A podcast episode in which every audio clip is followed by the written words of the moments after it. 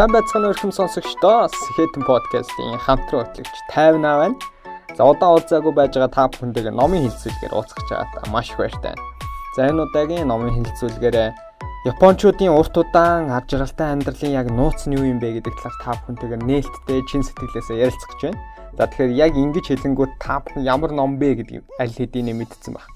Ikigai гэдэг нэртэй ном. Ikigai philosophy гэж яг юу юм бэ? Монгол дээр маш олон байдлаар бол орчуулагдж байгаа. Оршихуйн учир шалтгаан гэж байгаа. Амьдралын утга учир гэж байгаа. Тэгэхээр энэ үгийн тайлбар болон энэ үгийн тусламжтайгаар бид бүхэн өөрөө өөрсдийнхөө амьдралын утга учирыг олоход магадгүй туслах хэдэн зүйлийг яг дараагийн ярих миний цаг нэг цагийн хугацаанд ярих зүйлсээс та бүхэн олж аавна гэдэгт итгэлтэй байна. Тийм болохоор анхаарлаа нааш нь хандуулаад хийж байгаа зүйлээ төр орхиод төвлөрөөд нэг цагийн турш хэдүүлээ чин сэтгэлээсээ ярилцъя гэж бодож байна. Удаан хугацаанд ярилцсангүй тийм болохоор миний хувьд чин сэтгэлээсээ энэ дугаарыг хийхийн тулд сүүлийн хэдэн хоног нэлийн хичээл зүтгэл гаргаж суулаа. Тийм болохоор энэ дугаар маань илүү чанартай яг гол зүйлүүдийг батсан товч өгөө тодорхой дугаар болсон гэдэгт бол итгэлтэй байна. За тэгээд энэ номын агуулгыг ярьж эхлэхээс өмнө хүн болгонд амьдралд биднэрт маш олон сонголтууд байдаг. Хүн болго өөрөө өөртөөсөө миний зориг гэж юу вэ гэж Магадгүй маш олон хүн танаас таны зорилго юу вэ гэдэг асуултыг бол амьдралд маш олон удаа асуусан байх гэж бодож байна. Гэхдээ бид нар яг амьдралд өөр өөрийн сонголт маш олон сонголт байгаа боловч бид нар яг хүсэж байгаа зүйлээ олно гэдэг бол хамгийн хэцүү байдаг. Энэ зөвхөн хүүхдэд гэлтгүй насан турш хүмүүс төртөл одоо одоо хэрнээ зарим хүмүүст энэ бол хэцүү асуулт хэвээр байгаа би яг өөрийнхөө дуртай зүйлийг хийгээд байгаа юм болов уу дургүй зүйлийг хийгээд байгаа юм болов уу миний амьдралын утга учир юу юм болоо гэдэг хариултыг олох гэж энэ зүйлийг эрэл тайгуул хийх гэж амьдралынхаа ихэнх цаг хугацааг зарцуулж байгаа маш олон насан турш хүмүүс байгаа. Тэгэхээр энэ Япончуудын гаргаж ирсэн Ikigai гэж нэрлэгдэх энэ философи буюу оршихуйн учир шалтгаан гэдэг философийн цаад мөн чанар нь яг юу юм бэ? Яагаад Япончууд урт удаан ажиглалтай амьдрах нууц нь Ikigai гэж үзээд идэг юм бэ? Тэр талаар хэдүүлээ хамтдаа ярилцъя. Тэгэхээр энэ номын зохиолч Хектор Гарсиа болон Францис Миралис гэдэг энэ хоёр эрхэм хамгийн анх Японд уулзж байсан. Өөрсдийнхөө одоо дундын найз гэх юм уу? За дундын танилынхаа тусламжтайгаар энэ хоёр хоорондоо холбогдоод уулзж байсан. Тэгээ хамгийн анх уулзчаад уулзнаас хойш жилийн дараа дахиж уулзах боломж олцсон. За дахиж уулзах тэр яриан дундуура ер нь амьдралын утга учир гэж юу юм бэ те? Өөрөө өөрсдөөсөө асуусан байгаа юм л та. Миний амьдралын утга учир яг юу юм бол гэдэг асуултаар энэ хоёрын яриа цааш өрнөж энэ номын эхлэл буюу энэ номыг бичих хамгийн анхны сэтэл нь бол тэр цаг үед бол төрж исэн байдгийн байна. Тэгэхээр маш энгийнээр одоо хэлэхэд бол икигай гэдэг философиг яг ярианыхаа эхэнд би одоо тайлбарлахад өглөө яг юуны төлөө та босдог вэ гэдэг асуултанд хариулах хэрэгтэй.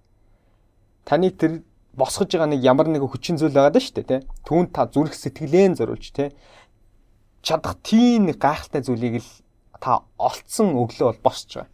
Тэр магадгүй өглөө босоод тийм эрч хүчтэй уран зөрөгтэйгээр сэрдгүү болвол яг энэ номон дээр яригдах зарим зүйлс танд тэр зүйлээ олоход нь илүү тусалж чаднаа гэж миний хувьд бодож байна. За номын гол агуулга буюу номон дээр дурддагддаг зүйлүүд рүү орохоос өмнө ер нь икигай гэдэг зүйлийнхээ философийн би гол хэмжигдэхүүнүүдийн та бүхэн тайлбарлая гэж бодож байна. За икигай гэдэг зүйлийг энэ философор та яг амьдрч гэнэ үгүй юу гэдгийг өөрөө хэмжиж үзхийн тулд нэг дөрвөн цогц зүйл байгаа. Энэ дөрвөн цогц зүйлийн нийлбэр танд ингээд бүх бүгднгийнх нь тэнцвэрийг та хадгалж чадсан байх юм бол та бол утга учиртай ажралтай амьдрдаг хүн байна гэж өөрийгөө бол дүгнж бас болох юм байна. Яг икигай философтой бол нэлээд ойрхон өөрийнхөө амьдралд үүнийг хэрэгжүүлээд явдаг хүн гэж өөрийгөө бол үнэлж дүгнэж болно гэсэн үг. За хамгийн ихний хэмжигдэхүүн нь болохоор бид яг юунд хамгийн их сайн юм бэ? Миний хамгийн сайн хийж чаддаг зүйл юу юм бэ гэдэг зүйлийг таагтлаад өөрөөсөө асуугана. Хүн болгонд байглаасаа өгөгдсөн маш сайн хийдэг ур чадвар байдаг. Зарим хүмүүс бол хүмүүжлэхийн туршид юм өсөж өсөж хөгжөөд явж байхдаа ямар нэгэн ур чадварыг өөртөө маш сайнаар дадлуулгаж эзэмших практикийг хийсээр хагаад тэр чадварт маш сайн суралцж чаддаг. За гэтэл хүмүүс байглаас заяагц өөрийн давуу талаа олж харалгүй өөрийн сул талаа буюу өөрийн муу ур чадвараа сайжруулахын тулд түүнийг төгс төгөлдөр болгохын тулд амьдралынхаа ихэнх цаг хугацааг зардаг. Тэр нэг бодлын харамсалтай. Тэгэхээр аль болох та өөрийнхөө амьдралд буюу байглаасаа заяагцсан, таны төрөлхөөсөө заяагцсан. Одоо баг байхад таны найзууд чинь юм уу, гэр бүлийн чинь хүмүүс юу гэж хэлдэг байсан? Таныг ямар нэгэн байдлаар нэг урамшуулахдаа таны нэг сайн чанарыг дурддаг байсан байж таараа. Тэгэхээр тэрхүү сайн чанараа та өөрөө олж нээж илрүүлсэн байгаа бол түүнийг илүү төгс төгөлдөр супер болгоход өөрөө цаг зарцуулж түүн дээр ажиллаарай гэж та бүхнээс хүсмээр. За хамгийн ихний асуулт нь энэ. За хоёр дахь асуулт нь хоёр дахь хэмжигдэхүүн нь миний дуртай зүйл юу вэ гэж. Түүнийгээ хийхдээ би үнэхээр орон зэрэгтэйгээр хийдэг. Түүнийгээ хийхдээ л би цаг хугацааг яаж өнгөрч байгааг би ерөөсөө анзаардаггүй. За яг л тийм асуулт гэсэн. Тэгэхээр сайн хийдэг, дуртай хийдэг гэдэг бол хоёр өөр ойлголт шүү. Тэгэхээр хоёр дахь зүйл бол таны дуртай зүйл юу вэ? За энэ асуултанд таныг хариулаасаа гэж хүсэж байна. За гурав дахь зүйл нь бол дэлхийд хэрэгтэй буюу бид нар өөрсдөө нийгмийн амьтан шүү дээ, тийм. Тэгэхээр бидний хүрээлж байгаа нийгэм тэр хүн амьтанд бид нар хэрэгцээтэй ямар нэгэн зүйлийг би хийж гинүү гэдгийг өөрөөсөө асуугаа.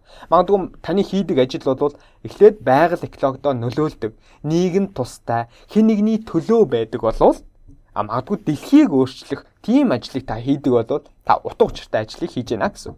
Тэгэхээр дэлхийд буюу өөрийн нийгмийн хүрээлтэд та хэр үн цэнтэй тэр нийгэмд үнэлэгдэх хэмжээний байр суурьтай тийм хүн бэ гэдгээ та өөрийнхөө хийж байгаа ажил болон өдөр тутамдаа хийдэг үйлдэлүүдээс нэг эргэж хараарэ гэж та бүхнээс үсмээр. За дөрөв дэх асуулт нь болохоор бид хийдэг зүйлсээс мөнгө олдог байх хэрэгтэй. За ингээ мөнгө олдог байх хэрэгтэй гэж хэлэнгөө та гайхаж байгадаг. Ер нь мөнгө ихэнх хүмүүс чухал биш гэж хэлдэг. А гэхдээ мөнгийг амьдралынхаа гол зорилго гэж харахаасаа илүү энэ мөнгийг ашигласнараа мөнгө мөнгөний тусламжтайгаар маш их цаг хугацаа хэмнэх боломжтой, маш их эрч хүч, энерги хэмжих боломжтой тийм хэрэглэгдэхүүн болгож ашиглаасаа гэдэг талаас нь энэ дээр илүү гаргаж ирсэн байна. Хэрвээ та өдөр тутамдаа ямар нэгэн зүйл хийдэг бай гэж бодъё л та. Тэгсэн чинь тэр хийдэг зүйлсээс та маш их эрч хүч, энерги, цаг хугацаа зарцуулдаг. Гэтэл та түүнээсээ мөнгө олдгоо гэж бодъё. Тийм бол энэ хоббиноос ерөөсөө ялгаагүй болчихно. Яг л хобби гэсэн. Тэгэхээр та өөрийнхөө хийж байгаа зүйлээсээ ямар нэгэн үнцэн юм уу тэр мөнгө олдог шууд ярил л та тийм мөнгө олдог тийм байдал руу өөрийгөө аваачих юм бол түүнээсээ та урам авдаг дараа дараагийнхаа хийх зүйлийнхээ эрч хүчийг тэндээс авах бүрэн боломжтой гэсэн. За ийм дөрвөн хэмжигдэхүүн байгаамаа. За энэ дөрвөн хэмжигдэхүүнийг та өөрөөсөө асуусан бол одоо хэдүүлээ ингээд бөөнөр нь багцлаад ингээд нэг хараад үзье л. Энэ дөрөв дөрүлээ танд байна уу? Яг л өнөөдрийн амьдрал таны хамгийн сайн хийж чаддаг зүйлээ та хийж гэнэ үү? Хамгийн дуртай зүйлээ та хийж гэнэ үү? За муу адил таны хийдэг зүйл чинь өдөр тутамдаа амьдралынхаа хоногийн 24 цагийг ихэнхийн та нийгмийн төлөө, бусдын төлөө хийдэг зүйл чинь утга учиртай ажил байна? За дөрөв дэх зүйл нь орлого олдог. Та түүндээ сэтгэл ханамжтай. Мэдээж орлого олж ийна гэдэг бол та түүнээсээ зардал гаргана. Зардал гаргахад юуны төлөө зардал гаргатай? Бид нар энэ амьдралаас маш олон зүйлийг шин зүйлийг турших гэж, шин мэдрэмжийг авах гэж ганц л амьдарч байгаа гэдэг үгээр бид нар дөрөөлж маш олон шин зүйлийг өөрийнхөө амьдрал бий болохыг хүсдэг шүү дээ. Зугац ингэл заримдаа өөрийгөө сурч хөгжөхөд боловсроход өөрөө өөртөө л аж аргалыг мэдрэхийн тулд тэрний нэгэн хэсэг нь юу? Мөнгө. Тэр бол гол хэрэгсэл биш. А гэхдээ мөнгө бол хэрэгсэл. Тэр түүнд туслах хэрэгсэл мөн үгүй л мөнөөсөө мөн. За энэ дөрвөн зүйлийг та өөрөөсөө асуугаарай гэж би хүсмээр байна. Энэ дөрвийн тэнцвэрийг та айл бол хадгалж чадчих юм бол Икигай философитой бол нэлээд ойр амьдардаг. Энэ философиг өөрийн амьдралдаа хэрэгжүүлж чаддаг хүн байна гэж та өөрийгөө бол хэлж болно. За магадгүй хоёр нь биелээд хоёр нь биелэхгүй байгаа бол та магадгүй дараа одоо юуныг сонссныхаа дараа өөрөө өөрөөсөө асуулт асуугаад ер нь миний хийж байгаа зүйл миний амьдралын утга учир би ер нь яг юуны төлөө амьдрэх хүн юм бол юуны төлөө өглөө орноосоо босдог хүн юм бол гэдэг асуултыг өөрөөсөө дахин дахин асуугаад дэвтэр дээр тэмдэглэл хөтлөөрэй гэж та бүхнээс хүсмээр байгаа шүү.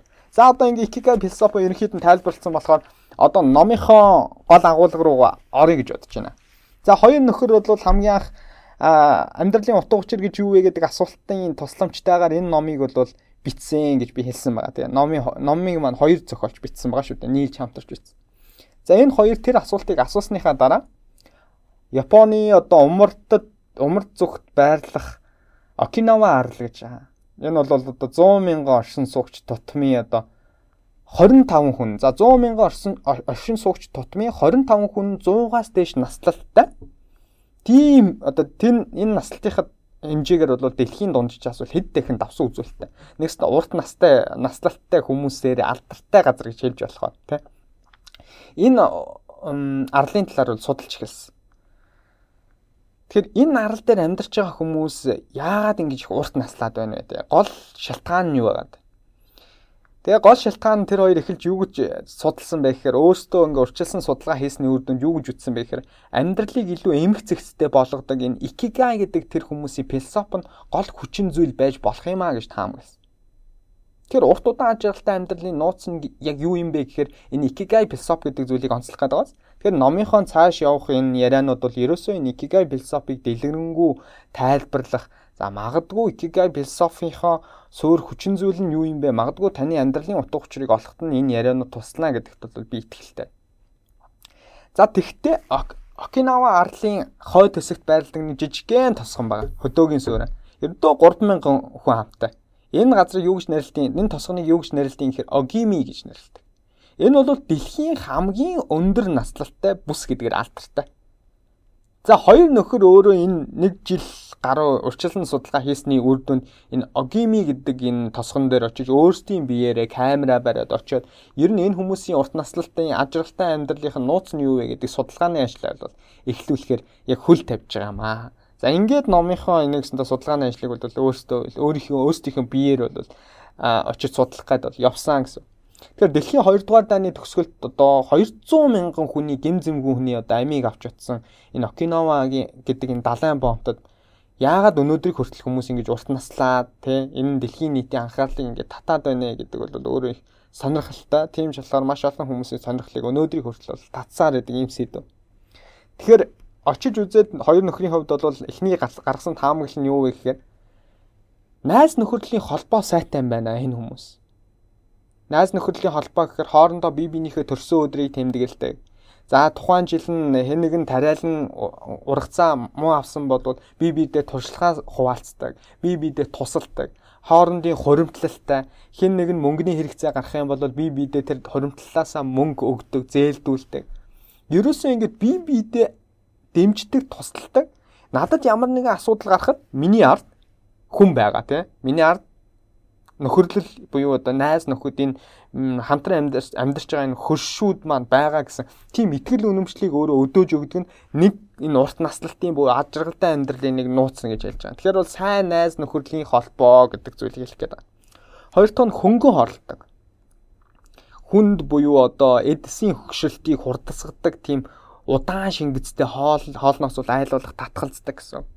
За хангалттай амардаг. Энэ бол 7-оос 9 цаг унтаж амардаг. Энэ нь бол сайн унтаж амардаг гэсэн. За мэдээж өөртөө тохирсон тогтмол дасгал хөдөлгөөнийг хийдэг. За тэгэд өглөө олгон шинэ өдөр бүрийг нандинаж ухтадаг тийм өөрсөнд нь тийм уран уран зориг бэлгэлэгч ямар нэгэн хүчин зүйл буюу тийм икигай энэ хүмүүс байгаа гэдгийг бол олж харсан байна л та. Эхний таамаглал нь бол ерөөсөө энэ. Энэ нь бол энэ хүмүүсийн урт насалж байгаа гол шалтгаан байж болох юм а гэдэг таамаглалыг дэвшүүлжээ. За одоо хэдүүлээ тэгэхээр эхний нэгдүгээр бүлэг буюу өтөлсөн хойнооч залуу байдлаа хадгалах ямар ямар боломж байдсан бэ гэдэг зүйлийн тухай яриа. За хамгийн эхний боломж. За бид нар залуу байхын тулд яах вэ гэдэг зүйлийн тухай ярих гэдэг шүү дээ. Хамгийн эхнийх нь мэдээж хооллол та. Ходоодныхоо 80%-ийг дүүргээрэй гэдэг философи бол Япон улсад хэрэгждэг юм байна. За энэ нь ямар философи бэ гэхээр мэдээж би ингээ хоол идэх юм бол за миний ходоод нь 80% дүүрчлээ болчлоо гэж яг тэрийг бол хэмжих боломжгүй шүү дээ. Мэдрэх боломжгүй. А тэгэхээр юунийг хэрэгжүүлэхийн тулд яах ёстой вэ гэхээр бүрэн цадах хэмжээнээс өмнө хоол идэхэ болчихлоо л гэсэн. Бүрийн хэмжээний би цадлаа гэсэн мэдрэмжэл авахаа авахаасаа өмнө зогсчих. Тэгэх юм бол та нэгсэндээ эд эсийн хөгшөлтийг хурдах хурдасгадаг тийм нөхцлөөс өөрийгөө айл болох сэргийлэх боломжтой гэсэн. Тэр ходоодоо дүүртэл нь битгий хооллоорой гэдэг санаа цаана яваад. Тэр ч болохоор одоо Япончууд юм уу энэ одоо зүүн Азийн орнууд чинь ингээл хэд хэдэн тавхтай ингээ хоол иддэн штэ. Тэнгүүд амар болон тавх тавьсан юм шиг харагдаад байгаа хэрнээ нэг тавган дээр маш жижигхэн жижиг хоолнод байдаг. Тэгээд ингээд идэнгүүт маш их хэмжээний хоол идэж байгаа юм шиг надад мэдрэмж төрүүлдэг болохоор тухайн хүн маш хурдан сэтгэлээрээ цадчихдаг. Тэгээ их хэмжээнд иддэггүй. Тэгээ энэ нь бас энэ хүмүүсийн одоо Америкийн нэгдсэн улс одоо энэ өрнөдийн орнуудыг бодох юм бол одоо илүүдэлчин харцангуй гайгүй шүү дээ. Харьцуулаад үзвэл энэ Аз хүмүүс чинь тий. Тэгэхээр энэ хүмүүсийн биеийн пропорцсон ч гэсэндээ хөнгөн шингэн байдаг энэ хоолдолтой нас холбоотой байж болох юм а гэж би бол бодсон шүү. За хоёр дахь залуу байх нэг боломж нь бол хизээж бүү тэтгэврт гар гэдэг санаа байна. Ер нь Японд бол одоо жишээ нь нэг тэтгэврт гарна гэдэг ойлголт бол төдийлөн байдаг юм байна л да. Би өөрөө л эрүүл саруул хөдөлжил гар гар хөл маань хөдөлжил ах юм бол би хийж байгаа ажлаа үргэлжлүүлээл яваад байна. Бусдаар би тэтгэл гарах нас болчлоо гэд тайван амгалан тийм амьдралаар бол айлуулах амьдрахыг хүсдэггүй. Үргэлж амьдралаа бол идэвхтэй байдлаар үргэлжлүүлээд яваад байдаг. Энэ хүмүүсийн залуу байгаа. Залуу байдал хадгалж байгаа нэг нууц байна гэж. Гурав дахь нь бол насан туршийн холбоо гэсэн. За би яг түрүүнд дурдсан. Нэг нэгэндээ тусалдаг энэ шин чанар. Би их нэгэнд тусалж байгаа тэр мэдрэмж маань намайг сайхан амьдруулахад дэм болтгоо л гэсэн. За одоо хоёр дахь зүйл нь хоёр дахь бүлгийн гол санааг бол тайлбарлая гэж бодож байна. Би бол сая залуу байх хэд хэдэн нууцын талаар ярьлаа шүү дээ. За хоёр дахь бүлэг нь бол хөгшөлтөөс зайлсхийх гэж. За хамгийн эхлээд хөгшөлтөөс зайлсхийхийн тулд идэвхтэй оюун ухаан буюу залуу бие махбод гэж. За бид дэд мэдж байгаа шүү дээ. Хөдөлгөөн бид нэг идэвхтэй хөдөлгөөн хийхгүй байгаа дэрэнгүүд яг хуу бидний бие махбодод ямар сөрөг нөлөө учирдаг? Бид нар сэтгэл санаагаар уундаг, толинд өөрсдийнхөө биеийг хараад хямардаг За тэгээд бид нар ядарч эхэлдэг. Яа тэгэхээр бие махбод ч өөрөө сулдж байгаа байхгүй. Тэгэхээр та тэр өөрийнхөө бие махбодаа сулдж байгаа мэдрэмжийг харж яах вэ? Хамгийн түрүүнд жим рүү очиод тодорхой хөнгөн жингээр юм уу дасгал хийгээд нэг үл гүүгээд юм уу бие жоохон чирэгжүүлээд тодорхой хугацааны дараа таны сэтгэл санаа дээрдээд өөртөө итгэх итгэл нь баг зэрэг нэмэгддэг. За яг үүнтэй адилхан бид нар өөрсдийн оюун ухаанаа дасгалжуулах шаардлагатай. Өөрийн оюун ухаанаа бид идэвхтэй байлгах шаардлага давхар үүсэж байна гэсэн. Энэ бие махбод оюун ухаан хоёрыг зэрэгцүүлж явж ийж та үнэхээр эрч хүчтэй залуу насныхаа эрч хүчийг хадгалах бүрэн боломжтой гэсэн. За тэхийн тулд яах ёстой вэ гэж? Идэвхтэй оюун ухаан. Одоо маш энгийн жишээ яриа л та. Ихэнхдээ нас нь нэлээд тогтцсон хүмүүс яадаг вэ гэхээр ямар нэгэн зүйлийг өөрийн тогтсон дадал зуршлаар хийх гэдэг. Оо би ингээл хийдэг юм чинь ингээл хийчих. Ямар нэгэн шин зүйл, шин зүйлийг туршихад ерөөсө дургу. Яагаад тэгж вэ гэхээр тэр хүмүүсийн нөгөө тархинд нь дадал айл үжи бий болцсон хэд хэдэн удаа хийгээд суудсан болохоор альва нэгэн зуршлын сөрөг нөлөө нь гэх юм уу? Та түүнийг дахин дахин хийсээр байгаа нь түүний хийхдээ ямар нэгэн байдлаар дахиж сэтгэх ерөөсөө шаардлага гардаггүй. Яагаад тэгэхээр та түүнийг автоматар хийдэг. Таны тарих. Яагаад тэгэхээр та өмнө хийдэг хэдэн удаа хэдэн мянган удаа хийцэн юм чинь. Тэгэхээр энэ нь өөрөө хүний тархинд хэвшмэл байдлыг бий болгох сөрөг талтай байдаг. Тэгэхээр энэ хөвшмөл байдлаас сэргийлэхийн тулд яах ёстой вэ гэхээр тархинд үргэлж шинэ мэдээллийг өгч явах ёстой. Хүний тархинд шинэ мэдээллийг өгснөөрөө мэдрэлийн эсүүдийн холбоосууд нь өөрөө сайжирч нэгсэн тарих дахин төлжиж яадаг гэсэн үг. А харин бид нар өөр тархиндаа шинэ мэдээлэл авахгүй өө үрд өмнө хийдэг байсан зүйлээ л дахин дахин давтаал хийгээд байх юм бол бидний энэ мэдрэлийн эсүүдийн холбоос нь суларч бидний тарих мэдрэлийн эсүүд нэгсэнтэй хөгшөж доройтож идэг гэсэн. Тэр үүнийг сэргийлэх гол арга нь юу ах нь? Ном унших нь найз нөхдөйгөө уулзах нь хүмүүстэй гоё мэдээлэл солилцох нь байна. Ерөөсөө л нийгэмдээ идэвхтэй оролцсноо л гэсэн. За хоёр дахь э, идэвхтэй оюун ухаантай холбоотой нэг зүйл нь бол баг зэргийн төгшөртэй ч гэсэн өөрийгөө сорж өөрчилж явах хэрэгтэй гэдэг санаа. За өмнө хэлсэн нэгэн хэвийн хөвшмөл байдлаасаа гараад бид нар нөгөө тав тухтай бүсээсээ гарна гэж хэлдэг шүү дээ. Тэгээ тав тухтаас бүсээсээ гараад төгшөөртэй ч гэсэн тэр мэдрэмжийг авах нь таны тархийг ачаалж таны тэр мэдрэлийн эсүүдийг хүчрхэгжүүлж бэхжүүлж явах тийм боломжийг олгодгоо гэсэн санаа ш. За мэдээж оюуны дасгал хийх хэрэгтэй. За оюуны дасгал гэхээр та бүхэн ингээл нэг томоор төсөөлж яж магадгүй. Шатар тоглох юм уу те. Ерөөсөө оюуны дасгал гэдэг бол сониуч байдлаа л хадгалах гэсэн. Ямар нэгэн зүйлийг сониурхдаг. Тэгээ түүнийгээ цааш нь лавшруулж, гүнзгийрүүл цуудалдаг. Тэгэхээр энэ сониуч байдал бол ихсийн хөгшөлтийг бол удаашруулдаг гол авчин зүйл юм шүү. Найз нөхөддөөгөө тоглож үзээгүй шин тоглоомоо тоглоо суухчсандээ энэ бол оюуны дасгал шүү дээ. Та өмнө түүнтэй тулгарч байгааг болохоор тэр тоглоомыг тоглосон ч гэсэн танаас ямар нэгэн сорилт шаардна. Та стр баг зэргийн стресст нь тэгэхээр таны тарих ачаалан тэр зүйлийг яаж даван туулах уу те тэр үеийг яаж давах уу энэ тоглоом дээр би яаж хожих уу гэдэг гэх мэтлэн таны тарих ачаалж байгаа болохоор энэ бүхэн маань өөр оюуны дасгал шүү. Тэр оюуны дасгал гэхээр маш хүн дээр ерөөсөө ойлгож болох. За хоёр дахь хөвгшөлтөө зайлсхийх нэг хүчин зүйл нь стресс. Энэ бол өөр урт наслалтын хамгийн том дайс. За Америкийн стресс судлалын үндэсний хүрээлэнгээс стресстэй холбоотой хэд хэдэн зүйлийг судалж үзээд нэг ийм судалгаа гаргаж илтээ. Эрүүл мэндийн асуудал одоо жишээ нь ийм маш энгийн нэг ийм судалгаа хийсэн ба. Нэгэн эмчээс ажилд орохоор ирсэн эмчээс шалгалт авахдаа 30 минутын турш математикийн бодлого бодулсан байна. За тэгээд дараа нь бодлого 30 минутыг бодлого дуусныхаа дараа цуснаас нь шинжилгээ аваад тэгээд судалгаагаа үргэлжлүүлээд хийгээд үтсэн чинь тухайн хүний цусных нь шинжилгээнээс ямар шинж тэмдэг ажиглагдсан бэ гэхээр Одоо хүний биед өвчин үүсгэгч ямар нэгэн биетүүд бий болдог штэ. Тэгэхээр түүнийг эсэрхүүцэхэд тулд вэ? Дархлааны систем ажилтдаг. Яг үүнтэй адилхан хүний биед стресс бий болж эхлэнгүүт яг тэр дархлааны систем өвчин үүсгэгч биетүүдтэй тэмцэж эхэлдэг шиг тийм хариу үйлдэлийг үзүүлж эхэлсэн байна. Тэгэхээр энэ үгс үгээр хүний биед стресс өөрөө их хэмжээгээр хуримтлагдаад удаан хугацаанд хадгалагдаад яваадах юм бол эрүүл мэндийн хор уршигтай эрүүл мэндийн асуудлуудыг бий болгох боломжтой гэсэн. Түрүүн биелсэн шүү дээ Америкийн стресс судлалын үндэсний хүрээлэнгээс энэ зүйлийг судлаад стресс гэдэг бол эрүүл мэндийн асуудлуудтай зайлшгүй холбоотой байна гэдгийг энэ маш олон удаагийн судалгаагаар энэ хүрээлэн баталсан байгаа. Стресс гэдэг энэ зүйл чи өөрөө хүний эд эсийг цагаас нь нэрт хөгшрүүлээд хүнийг өстө цагаас нь нэрт төгшин харагдуулах тиймэрхүү байдал руу хөтлөх болцоотой юм а гэдгийг энэ маш олон удаагийн судалгаагаар хүмүүс гаргаад ирсэн байгаамаа. Стрессийг одоо хоёр за эхлээд стрессийг бид нар зайшгүй хоёр ингэж хувааж авч үзэх шаардлагагүй ч чадах. Нэг нь болохоор архаг стресс гэж. За миний сая ярьсан сөрөг хүчин зүйлс бол дандаа архаг стресстэй холбоотой. Стресс хүн тайлж чадахгүй ингээл өдөржин ингээ хэдэн 7 хоног хэдэн сараар ингээ яваадах юм бол яг энэ одоо хавдар үүсгэх маш олон эрүүл мэндийн сөрөг хүчин зүйлүүдийг бий болгоно гэсэн үг. Яагаад тэгэхээр дархлааны систем түүнтэй ажиллаад байна шүү дээ.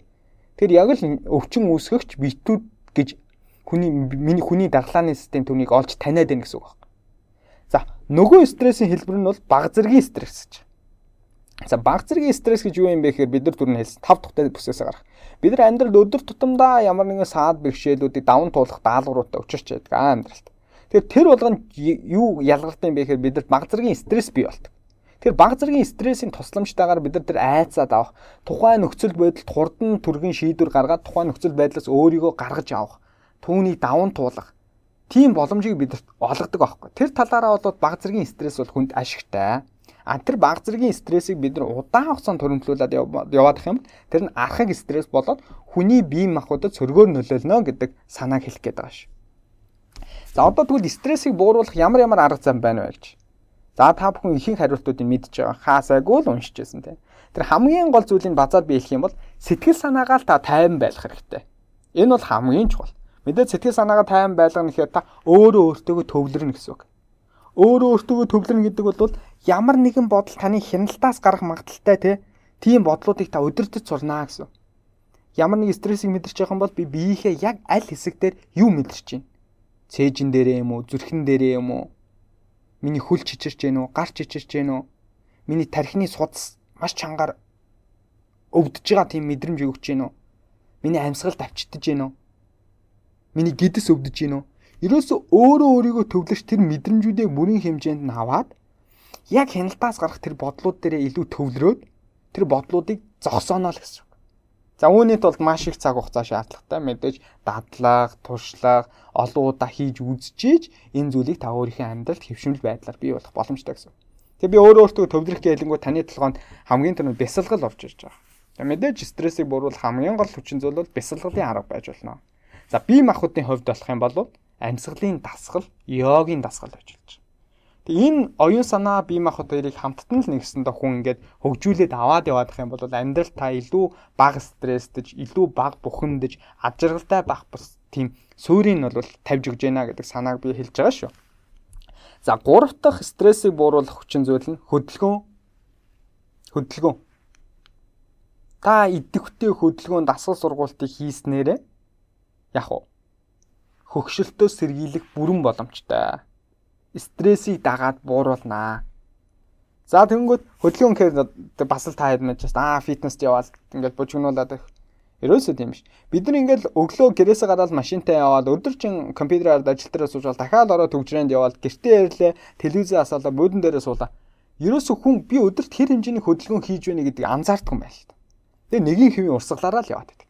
Тэгээ нэгийн хэвийн урсгалаараа явж явж байгаа нэг өдөр бие махбод нь өвддөг, зүрх нь өвддөг, илүүдэл жинтэй болдог амьсгалын тогтолцоо нь хэвийн байдлаа алддаг. Яг тэр үед хүн яах вэ? Оо би энэ болохоо байцсан байна гэдгийг мэдэрдэг. Тийм болохоор өдөр тутамдаа зүгээр маш энгийн. Цахилгаан шатаар явдаг байсан бол зүгээр алхаад ажил руугаа гарчих ч юм уу. Зарим өдөр зүгээр машина гэртээ үлдээгээд алхалт ажил руугаа тийм үү. 7 хоногийн 2 2 өдөр юм уу ганц өдөр алхах хэрэгтэй.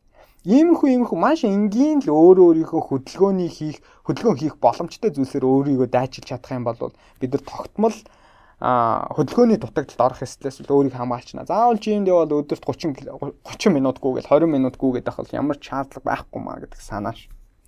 За дөрөв дэх хөгшөлтийг бууруулж байгаа нэг зүйл нойр. Загвар өмсөгчд загварын шоу болохоос өмнө 8-аас 10 цаг унтдаг гэдэг судалгаа юм байна.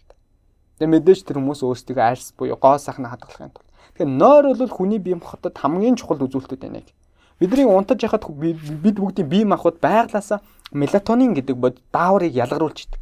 Тэгээ харамсалтай нь энэ даавар маань 30 нас хүрээд төрнөөс цаашаа ингээд явхангууд ялгарах давтамж нь юм уу ялгарх нь жоохон багасч эхэлт юм.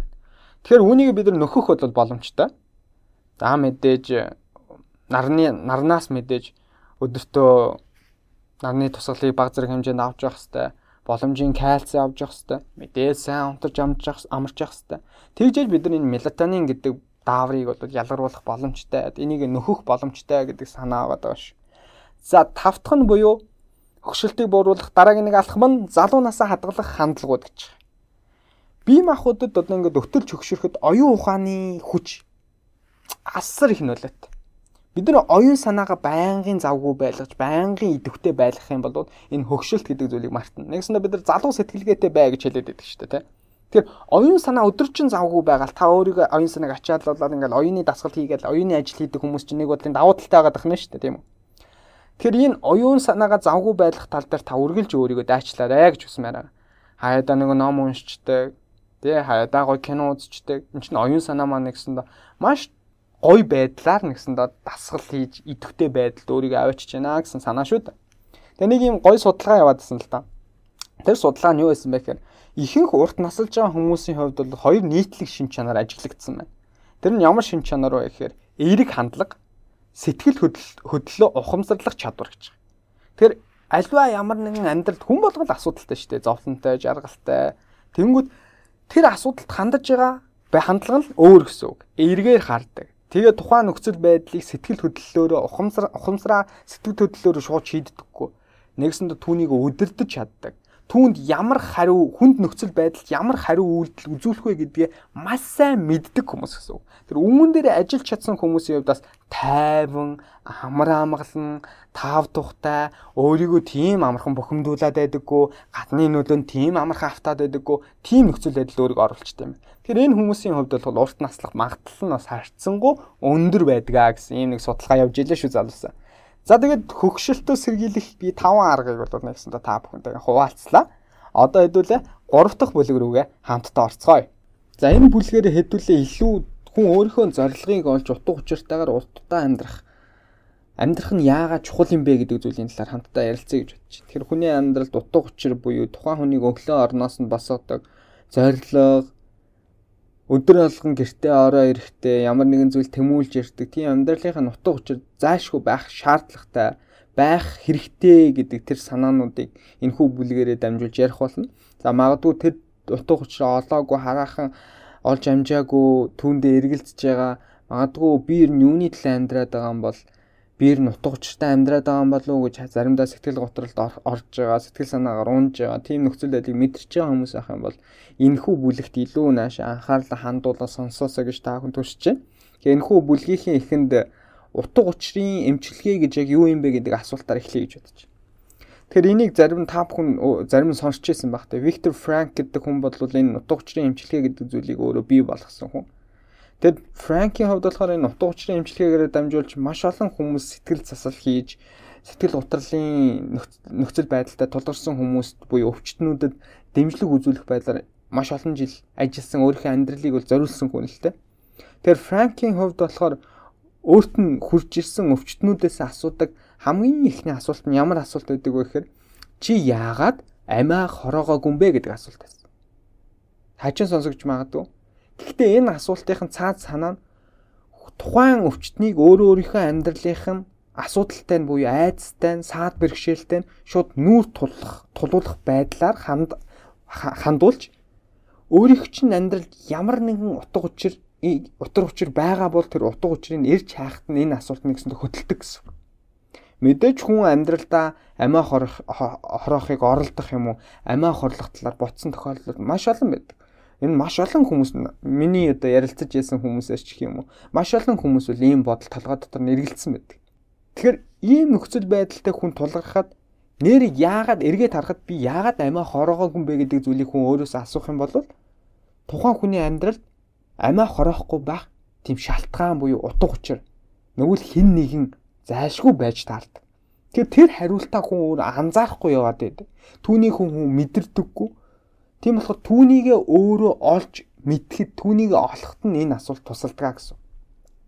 Тэгээ Франкийн хувьд болохоор Австрийн Вен дэх өөрийнхөө эмнэлэгтээ хийсэн нэгэн сонирхолтой судалгаагаар нийт өвчтнүүд буюу албан хаагчдынх нь өвчтнүүд болон албан хаагчд нь нийлээд бүх хүмүүсээс судалгаа авсан чинь нийт судалгаанд оролцсон хүмүүсийн 80% нь буюу 10 хүн тутмын 8 нь тухайн хүмүүсийн амьдралд утга учир буюу нэг амьдрах тийм шалтгаан зайлшгүй хэрэгтэй гэж өөрсдөө үтсэн байна харин 60% нь буюу 10 тутмын 6 нь тухайн хүмүүсийн амьдралд амиач өгөхөөс буцахгүй тэг хэн нэгэн байдаг.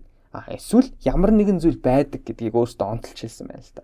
Тэгэхээр энэ судалгаагаар яг өмнө миний хэлсэн тэр өгүүлбэр бол өөрөө батлагдчих. Тэгэхээр зайлшгүй хүний амьдралд утга учир нэмэх ямар нэгэн зүйл байх хэвээр харин тэрийгэ бид нар олохын тулд тасралтгүй эрэл хайгуулаа бол үргэлжлүүлсээр байх хэрэгтэй гэдгийг бол энэ ярианыхаа ихэд энэ бүлгийнхээ ихэнд бол хэлхийг хүсэж байна.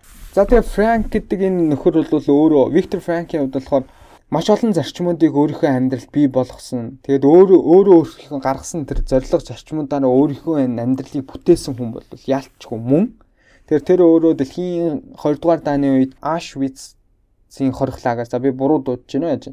Хорих лагерт хоригдож байхдаа хугацаанд нэг маш сонирхолтой философи гаргаж ирсэн. Энэ үг нь бол өөрийнх нь хувьд бол бүр хамгийн энэ үгт үгэндээ бол энэ өгүүлбэртээ бол өөр маш их ихтгэл үнэмшилтэй байдаг. Тэр нь ямар үг вэ гэхээр хүнээс бүх зүйлийг нь авч болгоч ганц л зүйлийг нь чадахгүй. Тэр бол тухайн нөхцөл байдал хандах хувь хүний хандлага өөрийнхөө замыг сонгох хувь хүний эрхчлөө гэдэг зүйлийг онцолж байсан. Тэр хүн хүний амьдрал маш олон асуудал, бэрхшээл, айдас, зовлон, дав би давж чадахгүй болов гэж гисэн хүртэл хүнд бодлууд гарч ирдэг. Тийм асуудлуудтай хүн тулгардаг. Харин тиймэрхүү асуудлуудтай тулгарсан ч гэсэн тухайн асуудал эргээр хандаж тухайн асуудлын нөхцөл байдлыг зөв тийш нь эргүүлж гарах гарц шийдлийг нь олоход хэн сонголт хийх вэ гэхээр тухайн хүн өөрөө л сонголт хийн. Тэр бүх зүйл таны гарт буюу таны эрхчлөөнд байгаа. Танаас хамаарна гэдэг санааг хэлсэн баг. Түүгээрээ дамжиж хүн өөрөө өөрийнхөө төлөө тэмцэх ёстой. Тэгжээч хүн өөрөө өөрийнхөө амьдралын икигай буюу амьдралынхаа утга учирыг олох бүрэн боломжтой юмаа гэдэг санааг гаргаж ирсэн. Тэгээ үүгээр дамжуул би нэгэн сэтгэл гутралын хэлбэрийн нэгэн сэтгэл гутралын хэлбэрийг та бүхэндээ ярилцъя гэж бодож байна тухайн сэтгэл гутралын хэлбэр нь болохоор зарим яг одоо сонсож байгаа сонсогч нар бол яг энэ мэдрэмжийг мэдэрчээсэн байх гэж бодож байна бэ. Нэг өглөө босоод ирэхэд ер нь би ер нь юуны төлөө амьдраад байгаа юм бол те.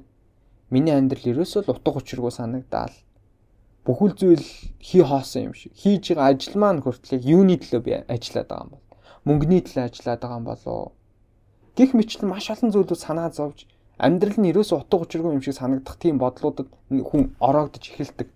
Тэгээ энэ нөөрөө давтамжтай тодорхой цаг хугацаанд ингээд удаан хугацаанд ингээд үргэлжлээд ирэхээр хүн бүр цаашлаад гүнзгийх юм бол амиа горлох хэмжээнд хүртэл энэ нөөр хөтэлдэг тухайн хүнийг. Тэгэхээр энэ дээр би нэг зүйлийг хэлэх гээд байна л да.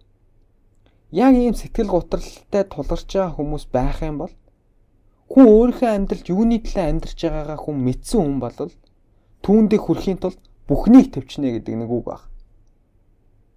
Тэгэхээр хүн амьдралдаа ямар нэгэн зориг буюу би яг юуны төлөө амьдарч байгаа вэ гэдэг зүйлээ олох нь маш чухал байна. Тэгэхээр тэр нэг тэр нэг хоол нэг цэг хатгачаад тэр цэг рүү хүн хүрэхгээ тэмүүлж байна да. Тэгэхээр тэнд нэг ихтгэл үнэмшил байгаа цагт бол хүн ямар ч зүйлийг төвчнэ л гэж таваад гарнаа. Өнөөдөр бодогдсон сэтгэлийн гутрал, өнөөдөр бүтлгүүцсэн тэр шаналл, биеэрээ тулсан тэр зовлон мэдрэмж тэр болгоныг яаж хийж яагаад би төвчнэ л гэж. Тэгээ нөгөө талаас харах юм бол иймэрхүү сэтгэл гутралын шинж тамдиг яагаад хүн бий болоод байна вэ? Хүмүүс үнийг мэдрээд байна вэ гэхээр хүмүүс өөрөө өөрийнхөө биш, өөрөө өөрийнхөө төлөө биш. Харин өөр хэн нэгэн ингээд ийм амьдралаар чи амьдрал сайхан амьдрын гэдэг тэм нэг утга учиргүй гэх юм уу? За зарим нь утга учиртай баг. Тэр бусдын хий гэсний хийж бусдад адилхан тэр нэг амьдрахыг хүссэн, бусдад амьдрах болсон тийм адилхан амьдрах болсон тиймэрхүү шалтгаануудаас үүдэж хүн тиймэрхүү сэтгэл гутралыг хүн өөрөө мэдэрч эхэлдэг. Тэгээ нэгсэндээ та өөрөө өөрийгөө сонсохгүй байна гэсэн. Бусдаа өөрөө өөрийнхөө амьдралыг харьцуулж яана гэсэн. Нэг хүн өнөөдөр танд ингээд амьдрах юм бол чи сайхан амьдрнаа гэж хэлчингүүд тэрүү тэрүүгээр нь амьдрах гад яг тэр хүний хийдэг үйлдэлүүдийг даган дуурайгаад амьдраад эхлэнгүүд та өөрийгөө сонсохгүй бусад хүнийг сонсоол яваад их юм бол нөгөө сэтгэл готрол гэдэг зүйл чинь хормын төдий танд мэдрэгдээд түүнээсээ болоо шаналаад би ер нь юуны төлөө амьдраад байгаа юм бол гэдэг зүйлийг өөр өөрөөсөө дахин дахин асуухтал хүрээд байна л та. Тэгэхээр ийм нэг сэтгэл готрлын хэлбэрийн хэлбэрийг бас энэ номон дээр илүү онцолж гаргаж ирсэн. Тэр утга учирын эмчилгээ гэдэг энэ Виктор Франкийн гаргаж ирсэн энэ философи шээ энэ нэг эмчилгээний арга нь тийм хамгийн гол цаад хүрэх гээд байгаа мессеж нь хувь хүн буюу хүн өөрөө өөрийнхөө асуудалтай нүүрт тулж өөрөө өөртөөгөө ярилцаж өөрөө өөрийнхөө сэтгэл дотор байгаа зүйлийг уудлан гаргасны үр дүн тухайн хүн өөрөө хариултаа олох юмаа гэдэг цаад далд санаа яваад. Тэгжээж өөрийнхөө утга учирын амьдралынхаа утга учирыг хүн ярьж хайж болно гэхээс та энэ ийм замаар явах юм бол те тэгээ ийм тактикийг ашиглах юм бол ийм аргачлалыг ашиглах юм бол та өөрийнхөө зорилгыг олчихно. Өөрийнхөө утга учирыг тавуулах боломжтой. Ийм ямар нэгэн арга зам бол ерөөсөө байхгүй. Тэр хүн өөрөө өөрийнхөө л эрэл агуулгыг өөр өөрийнхөө амьдралдаа тэнцэж олно л гэдэг санааг утга учирын эмчилгээ гэдэг энэ эмчилгээгээд олж таниулж гаргаж ирсэн байна. Тэгээ хоёр дахь миний ярих эмчилгээний нэг хэлбэр бол Морита гэж Морита эмчилгээний үндсэн зарчмууд гэдэг нэг дөрвөн зарчим байна л да. Энэ эмчилгээнээр нь ямар зарчмуудыг баримталдаг юм бэ гэж. Гурван зарчим аа. Хамгийн ихний зарчим нь болохоор хүн өөрийнхөө мэдрэмжийг хүлээн зөвшөөрөх хэрэгтэй. Хүний дотор маш олон мэдрэмжүүд бид нар хянч чадахгүй байж гинт гинт ингээл орж ирдэг шүү. Тэр хүн өөрийнхөө сэтгэл хөдлөлийг тань буюу хянан за тэр сэтгэл хөдлөлөө бид нар өдөртөн хянан трийгээ зогсоон тийм юм бол ерөөсөө байх. Тэгээ миний сэтгэл хөдлөлийг хөдлөх гээд байна гэдэг бид нар тааварлаж чадахгүй шүү дээ. Энэ бол харин бид нар сэтгэл хөдлөлөө ажиглах боломжтой. Тэгээ Моритагийн хувьд болохоор хүний сэтгэл хөдлөлийг цаг агаартай зүйрлдэг юм байна л та. Тэгээ бид нар цаг агаарыг өрчлөлтөнд таамаглаж чадахгүй шүү дээ. За маргааш ороо энэ юм байна, тэх юм байна. Ерөнхийдөө зүгээр цаг агарын мэдээ хараад бид нар иймэрхүү гэж хэлж байгаа болохоос яг цаг агаар ийм юм болно тэдэн цагт ингэн гэж бид нар ерөөсөө мэдэхгүй шүү дээ ер нь бол. За сүүлийн үе шинжилгээ ухаан хөгжөөл энэ наривчл сайтай л болсон байгаа болохоос тэ. Тэгэхээр бид нар альва зүйлийг энэ сэтгэл хөдлөл гэдэг зүйлийг зүгээр сайхан хүлээн зөвшөөрөөл түүнийг л ажиглах хэрэгтэй. За эхний зарчим нь бол энэ. Хоёр дахь зарчим нь болохоор хийх ёстой зүйлээ л хийгч. Хүн өөрийн дотор мэдрэгдэж байгаа шаналл, зовлон ч гэдэг юм уу янз бүрийн шинж тэмдгүүд байгаа л. Тэгээ тэр шинж тэмдгүүдийг арилгах гэж хүмүүс их хичээдэг. За одоо өвдсөн хүн бай гэж бод. Тухайн хүн ингээд өвдсөн шинж тэмдэг арилгахад хитрхи их анхаарлаа хандуулдаг. Үнэндээ бол ингэж анхаарлаа хандуулах хэрэггүй юм байна л. Учир нь эдгэрэх үйл явц гэдэг бол өөрөө л ирэх учиртай. Тэрийн цаад санаа нь юу хэлэх гээд байна гэхээр өвчтөн өөрийнхөө туршлагаасаа л ямар нэгэн зүйлийг олж мэдэх нь хамгийн чухал. Нэгсэндээ хүн өөрөө өөрийнхөө биеэр түүнийг туулаад хүлээн зөвшөөрөөд тэр өвдөлтөө мэдрээ зовлон шаналлаа ажиглаад түүний үр дүнд ямар ч нөхцөл байдалтай тухайн хүн нүүр тулж чадахгүй хэмжээнд болж бэлтгэгднэ л гэсэн. За энэ бол өөрийнхөө тэр хийх ёстой зүйлээ л хий те. Хитрхи ингээл юм болохгүй бүтэхгүй байгаад ангууд тэрийг ингээл засах гал хичээгээл түүнийгээ бодож шаналлал тийшээ хамаг амьдралынхаа эрч хүч хувь хүнийхээ энергийг зарцуулаад тах ерөөсөө шаардлагагүй л гэсэн. Хийх ёстой юмаа хийж яхад цаг нь болоход бүх зүйл болно гэдэг санаа цаана явж. За гурав дахь зарчим нь болохоор амьдралынхаа зорилгыг олж нээгж. Тэр сэтгэл хөдлөлөө бид түрүү нэлсэн шүү дээ. Сэтгэл хөдлөлөө өдөрт чадахгүй ч гэсэн бид нар өдөр тутмын үйл хөдлөлөө хэн чад. Тэр өөрөө өөрөөсөө үргэлж тогтмол асуултуудыг асууж явах хэрэгтэй л дээ. Тэрний ямар асуултууд вэ гэхээр би яг одоо юу хийх хэрэгтэй вэ? Би яг одоо юу хийвэл одоо нөхцөл байдал буюу өөрийнхөө амьдралыг илүү өөр төвшөнд аваачих вэ? Би юу хийх юм бол миний амьдрал нөлөөлөхүйц хэмжээнд байх вэ? Иймэрхүү иймэрхүү тогтмол асуултуудыг өөрөөсөө байнга амны уншлага мэт асууж явах юм бол хүн тухайн өдөр болгоны хийдэг үйлдэлүүдийг хянч чаддаг буюу өөрийнхөө зорилго руу буюу утга учиртай амьдрал руугаа чиглүүлсэн үйлдэлүүдийг хүн бол хийж эхэлдэг гэсэн санаа авч. Энэ гурван зарчим дээр өөрөө тулгуурлаад Моритагийн эмчилгээ нь болохоор дөрвөн үе шаттай явагддаг юм байна. За хамгийн ихний үе шат нь болохоор тусгаарлах буюу тайван амраах үе шат гэж. Тайван амрах үе шат. Тэгэхээр тухайн өвчтний 5-аас 7 өдөр ямар нэгэн интернет авахгүй сүлжээ авахгүй, технологи авахгүй, ном байхгүй, хинч байхгүй. Тийм өрөөнд амраадаг тухайн хүнийг ганцаараа ингэ. Тэгэхээр сэтгэл засалчтай бол аль болох ярихгүй гэж байна. Сэтгэл засалч гэсэндээ тухайн өвчтөнтэй бол ярихгүй байхыг бол баримтлана. За ингээд 5-аас 7 өдөр нөгөө хүн чинь өөрөө өөрийнхөө тэр сэтгэл хөдлөл ямар үедээ би миний сэтгэл хөдлөл ингээд огцом сэргэж дээ. За ямар үедээ унаад байна. Тэр болгоно тухайн хүн өөр ажиглана гэсэн. За 5-аас 7 хоног ажилласны дараа өөдөж эхэлнэ. За яг тэр өөдөж эхлэх үед нь 2 дугаар үе шат руу орно. 2 дугаар үе шат нь юу юм бэ гэхээр хөнгөн даалгавруудаар даалгавруудаар эмчлэх харагдсан. За хөнгөн даалгаврууд нь ямар даалгаврууд юм гэхээр бичиж тэмдэглэх. Одоо ямар нэгэн толгой дотор орж ирсэн бодлуудаа нэгсэндээ цаасан дээр буулгана гэсэн. За энэ эмчилгээ нь мөн л адил 5-аас 7 хоног үргэлжилдэг. Тэгэхээр 7 хоногийн дараа бүхэл бүтэн 7 хоног ингээд тэмдэглэлээ хөтлөөд бас л мөн адилхан хэн нэгэнтэй ерөөсөө ярихгүй зөвхөн сэтгэл засалчтай л ярих эрхтэй. Тэгэхээр 7 хоног тухайн хүнийг бичих буюу хөнгөн даалгаврууд хийлгэсний дараа тухайн хүнийг байгальд гаргадаг. Байгальд гаргаж аалхах юм уу? За нэг үл зүлэгжүүлэлт хийх юм уу? Гадаа агаарт гарч салхилах, амьсгалах тийм байдлаар тухайн хүний эмчилгээ цааш үргэлжилдэг. За 3 дахь шат. За 3 дахь шат нь бол ажил хөдөлмөрөөр эмчлэх гэж. За хоёр дахь шатнаас юугаараа ялгаатай юм бэхээр энэ удаа илүү биеийн хүчний хүч шаардсан ажлуудыг хийлгэн гэсэн. За Моритагийн хувьд болохоор нэгсэндээ сэтгэл энэ хямралд орсон өвчтнүүдээ илүү ууланд авч гардаг, мод хагдлуулдаг ч юм уу. Тиймэрхүү эмчилгээнүүдийн арга барилыг хийдэг. Тэгээ энэ үе шатадсан дээр нөгөө тэмдэглэл хөтлөх, тэгээ зураг зурах юм уу, маш тийм энгийн даалгаврууд нь явсаар л байдаг. Тэр болгоныг бас адилхан хийсээр байна л гэсэн. За энэ үргэлжлэх хугацаа бол мөн адилхан 5-аас 7 өдөр. Гэхдээ энэ одоо хүнтэй харьцах уу гэх юм бол даалгавраа гүйцэтгэх зорилгоор бусдад харьцаж болно. А бусдаа нь бол бусдад харьцах бас хориот. За үүний дараа ингээд баг 3-7 хоног өнгөрсний дараа нийгмийн харилцаанд орох үе шат гэж. Нэгсэндээ энэ бол эргээд нийгэмдээ буюу хэвийн амьдралд эргэж шилжиж орно гэсэн. Тэр энэ имчилгээ ийм дөрвөн үе шаттаар яваад гол санаа нь юу юм бэ гэхээр яг юунд хүрэх гээд байгаа юм бэ гэхээр нийгмийн болоод сэтгэл зүйн маш олон дарамтуудаас тухайн хүнийг ангид байлгаж зоригтой өөрийн гэсэн нэг зорьсон тэмүүлсэн зүйлтэй эргэж нийгэмдээ ирж байгаа гэсэн тийм мэдрэмжийг тухайн хүнд өгөх л хамгийн гол зорилго.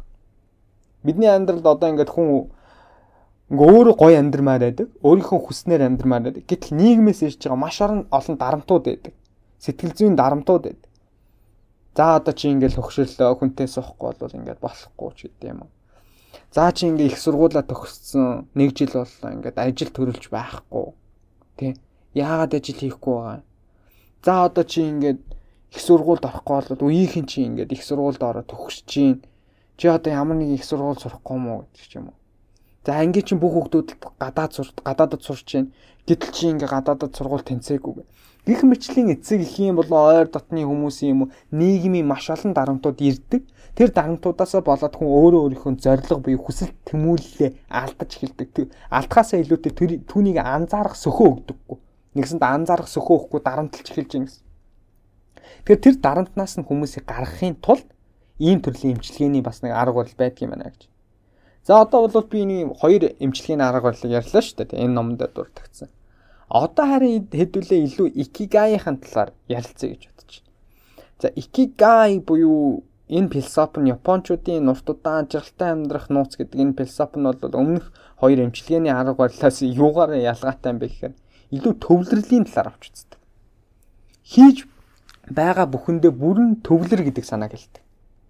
Тэр хүн өөрийнхөө амьдралд буюу ажил төрөл тий ажил хийдэг бол ажил за амралтынхаа чөлөө цагаар өөрийгөө өсөж хөгжиж дэвжиж явах тийм боломжийг тэр орон зайг хэрхэн бий болох талаар илүү яригдана гэсэн үг дараагийн хэсэгт. Тэгэхээр би одоо эхлээд хэлсэн шүү дээ. Хэрхэн нэг зүйл дээр тархиа илүү төвлөрүүлж сурах вэ гэдэг нэг санаа яваад байна. Тэр хүн өөрөө төвлөрч чадчих юм бол өөрийнхөө тэр икигайг олоход илүү ойртно гэдэг санаа яваад байгаа. Тэр би хүн өөрийгөө өөрийнхөө оюун бодол санааг нэг зүйл дээр олон зүйлийг зэрэг хийхгүйгээр нэг зүйл дээр хамгийн сайнараа яаж төвлөрүүлэх вэ гэдэг дээр нэг хэд хэдэн зүйлийг илүү дурдъя гэж бодож байна. Тухайн энэ энэхүү номон дээр гарсан. Тэгээ магадгүй энэ нэлээд жигсаалт байдлаар бичигдсэн байгаа. Тэгэхээр та сонсож явах юм бол дэвтэр цаас үзэг байх юм бол дэвтэр цаас үзгээ аваад энэ хэдийг тэмдэглээд өөр чин тохирсон аргуудыг хэрэгжилж үзээрэй, туршиж үзээрэй гэж хүсэж байна. За хамгийн эхнийх нь болохоор унтахын өмнөх 1 цаг, өглөөс ирсний дараах 1 цагт утасны дэлгэц өрөөсөө шишдэхгүй байх хэрэгтэй. Хоёр дахь нь болохоор ямар нэгэн зүйлийг төвлөрч хийх гэж байгаа бол төвлөрч хийхээ гар утсаа унтраа. Яагаад тэгэхээр тухайн зүйлийг хийх чинь л тухайн цаг мөчид чухал болохоос өөр зүйлс бол одоохондоо чухал биш. А хэрвээ ойр дотны хайртай хүмүүс ч юм уу гэр бүлийн хүн чинь яаралтай байдлаас залгана гэж бодож байгаа бол өөрийн гэсэн нөгөө тохируулга дээр нь тавиад байна. Тэгхийн болов нөгөө бас ярих боломжтой. А бусдаар бол айлуулах гар утсаа унтраах хэрэгтэй. Нэг зүйлдээ зүйл дээр илүү төвлөр гэдэг санаа. За дараагийнх нь болохоор 7 хоногийн айл нэг өдөр ерөөсөө технологийн зүйлсээс татгалзах хэрэгтэй. Тэгсэн доо мацаг барина гэсэн. Гар утас, интернет, сүлжээ бүх юм ашиглахаа болоод нэг л өдрийг зөвхөн энгийн одоо технологи амьдралаар өнгөрөөх өнгөрөөж үзээрэй гэдэг санаа. За дөрөвтг нь болохоор интернет сүлжээ ерөөсөө байхгүй кафед очих хэрэгтэй интернет сүлжээ байдгүй одоо кофе шоп гэдэг юм уу юу гэдэг тэнд очиж суугаарай гэдэг санаа. За дараах нь имэйл унших хариу өгөх ажлыг өдрийн нэг юм уу хоёр удаа л хий. Тэгэхээр тэр цагаа бол тодорхой нэг цаг тогтоох. За би өглөөний 9 цагт цагаа усны дараа имэйлүүдэд хариу өгнө гэдэг ч юм уу тий. За ороо унтахаасаа 2 3 цагийн өмнө би имэйлүүдэд шалган ч гэдэг юм. Тэгээ түүнийг илүү нарийн баримтлах За дараагийнх нь болохоор 50 минут ажиллаад 10 минут амрах юм уу?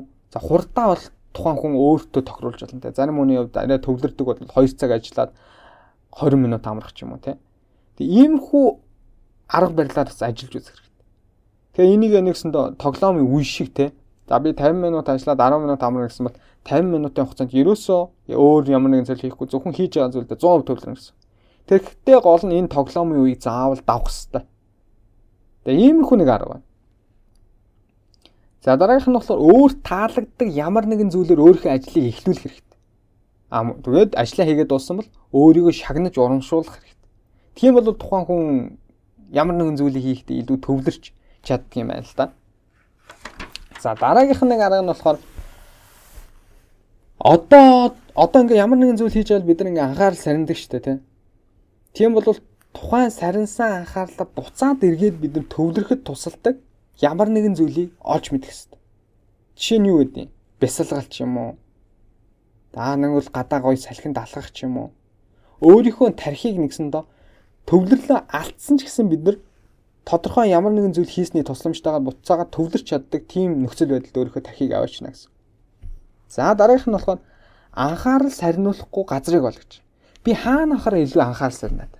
Гэртээ ямар нэгэн зүйл хийгээ суух гар ерөөсө төвлөрч чадахгүй байгаа бол хамгийн сайн төвлөрдөг тэр газар оч гэсэн. За сүүлээс хоёр дахь нь ямар нэгэн зүйлийг хийх гэж байгаа бол түүнтэй хамааралтай даалгавруудыг бүгдийг ингээд нэг тохирсон цаг хугацаа юм уу нэг газруудыг ингээд оноогод өгчих хэрэгтэй. За би ийм ажил хийн өглөө босоод баах нэг ажлын шагсаалт гаргацсан бол за би энэ ажлыг өглөө цайгаа уусны дараа бөөдөн дээрээ сууж агаад хийн. За би энэ ажлыг болохоор тэрнтэй хамт кофе шопт суужгаад энэ ажлыг амжуулчихна. За энийг болохоор түүний офис дээр очиж суухдаа би үүнийг хийчин юм уу. Ингэж ажил болгондоо ямар нэгэн хэд хэд аль хугацаанд хийх юм, хаана хийх юм гэдэг зүйлүүдийн тодорхой болгоод өгчих юм бол бас анхаарал сарнихгүй тогтвортой үр дүн тухайн өдрийг үр бүтээлтэй өнгөрөх бас боломжтой. За хамгийн сүүлийнх нь болохоор одоо жишээ нь нэхэмжлэл явуулах ч юм уу, хэн нэгэнтэй утасны дуудлага хийх ч юм уу. Иймэрхүү энгийн ажилбаруудыг бүгдийн сайхныг багцлаад нэг удаа суугаад бүгдийг хийдэг. За энэ бүх ажлуудаа жагсаалтыг гаргацсан бол нэг өдөр нэг удаа сухтаад бүх зүйлийг иймэрхүү жижиг ажилбаруудаа нэг дор хийчихнэ гэсэн. Тийм бол ингээд нэг юм гайгүй ингээд анхаарлаа төвлөрүүлээ суудсан чи өө би нэр хиндүү залах хэвээр штэ гэл дахиад өөр юм хийгээ. Тих болгондоо бид нар энэ өөрийнхөө анхаарал төвлөрөх чадвараа ингээд алдаад тухайн хийж байгаа зүйлээс үр дүн гарах магадлал нь дагаад буурчдаг гэдэгт бол та угаасаа санал нийлэх бах та. За анхаар төвлөрөх боломжуудыг буюу энэ анхаарал төвлөрөх чадрыг нэмэгдүүлэх аргуудын талаар хуваалцлаа. Энэ төвлөрөх чадвар гэдэг чинь ерөөсө булчинтай бол ерөөсө ялгаагүй шүү дээ. Хүн булчныг ингээл хүнд юм өргөөл өдрөөлгөн дасгалжуулаад ахад нөгөө булчин хөөгөл томрол улам чангараад байдагтай адилхан бид нар төвлөрнө гэдэг бол бас л өөрөө өөрийгөө ингээ практик хийж иж дахин дахин үүнийг дасгалжуулж иж бид нар төвлөрч сурна уу гэхээс нэг удаа юм хийгээл хоёр удаа хийгээл бид нар хайчиж байгаа бол тэр тодорхой үр дүн төрөхгүй л гэсэн. Тэгэхээр яг төвлөрнө гэдэг энэ ур чадварыг бол булчин гэж ойлгоод булчин гэж ойлгоод тэгээ түүнтэйгээ адилхан хөгжүүлж яваарай гэдэг санаа бааш. За энэ төвлөрөх чадвартай холбоотой хамгийн гахалтай алдартай одоо хүмүүс юм Япончууд байна шүү дээ.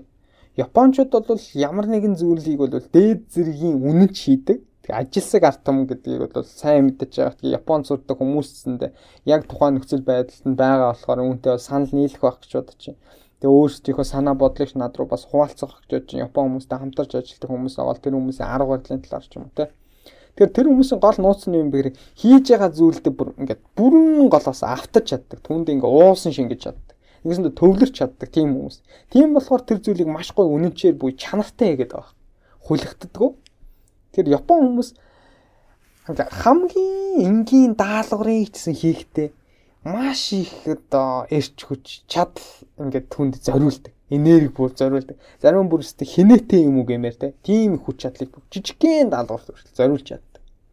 Тэгэхээр тийм жижигхэн зүйл хүртэл энэ хүмүүс яаж төвлөрч чаддаг вэ гэдгийг бол энэ хүмүүсийн одоо зам байдал, амьдралын хэм маягаас бол та харж болно. Харин ажиллаа эхлэх үедээ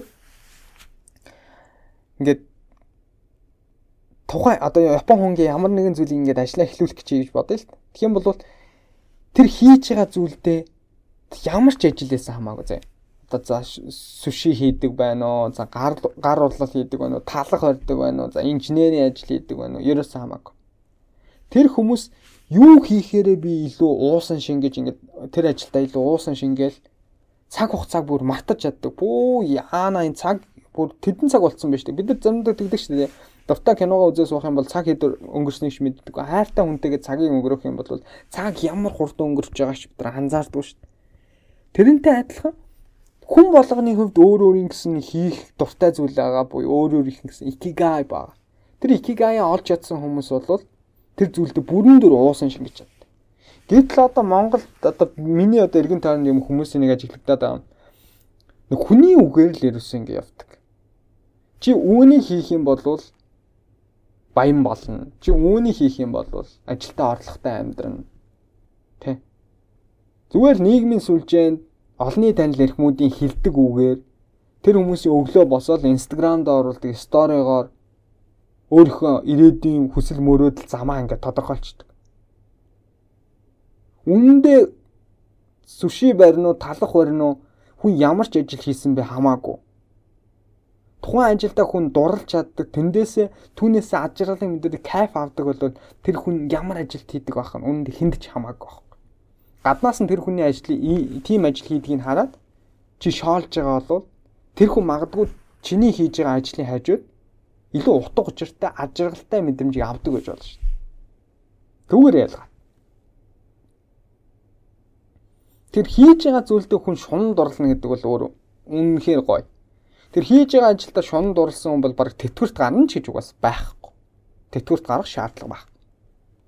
Насаараа энэ нутаг учиртай зүйлсээ хийсээрээ байгаад л эргээд амьдралыг харахад ингээл залуучуудад хүртэл атаарахгүй шүү дээ. Яагаад тэгэхээр залуу наснда тэр хүмүүсийн тэр хүмүүсийн одоо нэг барьцаад авахгүй залуу насаа маш гоё мэдрэл өнгөрөөцсөн болохоор те өөрийнхөө амьдрал сэтгэл хангалуун байна гэсэн үг л те.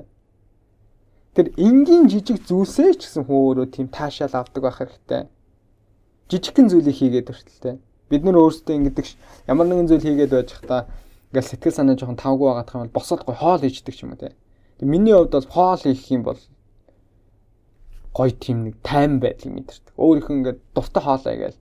Тэгээ найз нөхдөд гой өөрийнхөө хийсэн гой хоолоор дайлах ч юм уу. Нөгөө л өөрийнхөө гараар хийсэн гой хоолоо хийчээ дараа нь идэх ч юм уу те.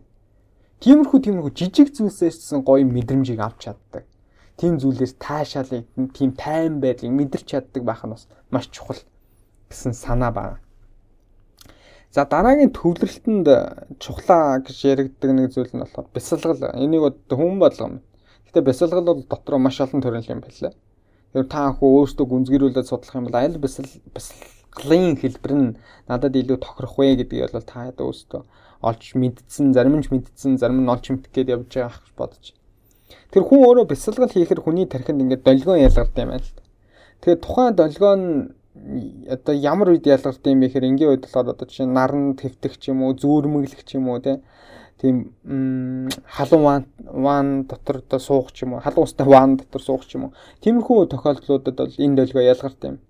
Харин бясалгал хийснээрээ за дөнгөж эхэлж байгаа бясалгал хийж байгаа хүмүүс бол дор хаяж 30 минут ч юм уу тасралтгүй бясалгал хийсний үр дүнд иймэрхүү долгионууд нь ялгарх магадaltaй байд юм байна. А харин удаан хугацаанд бясалгал хийгээд сурцсан үүндээ дадал болсон хүмүүс бол дөнгөж бясалгал хийж эхлэнгүүт л тухайн хүний тархинд нь иймэрхүү долгионууд бол ялгарч эхэлдэг. Тэгэхээр бясалгал энэхүү нэгсэндээ энэ долгионууд нь хүнийг тайвшруулдаг долгионууд гэсэн үг аахгүй. Тэгэхээр бясалгалын ач тус нь өөрөө юу юм бэ гэдгийг та надаар хэлүүлтэйгөө мэдчихэж байгаа болохоор би энэ дээр илүү дэлгэрэнгүй яриа тэрэггүй ах гэж бодож байна. Тэгээ орцсон цагт бол хүн болгон ухаалаг гар утас ашиглаж байгаа. Энэ цаг үед бол бидний сатааруулах маш олон зүйл байгаа.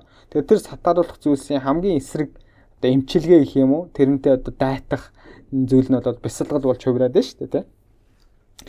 За тэгээ энэ болгон зүйлийг ингээд ярих юм бол хүний амьдралд өөрийнхөө икигай гэдэг зүйлийг олохын тулд бүрэн төвлөрч сурах нь ямар чухал юм бэ гэдэг санааг бол энэ номон дээр маш олон жишээгээр бол баяжуулж онцолж ярьсан байгаа. Гэхдээ би энэ жишээ болгоныг одоо ярина гэх юм бол номын хэлцүүлэг биш баг ном уншиж байгаа юм шиг болчих ба.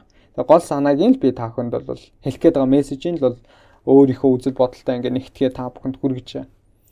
Тэгэхээр өөрөө өөрийнхөө одоо энэ бүлгийн төгсгөлд одоо нэг зүйлийг ингээд хэлэхэд би яг юун дээр илүү төвлөрч байгаа хүн өөр анзаарах хэрэгтэй юм шиг.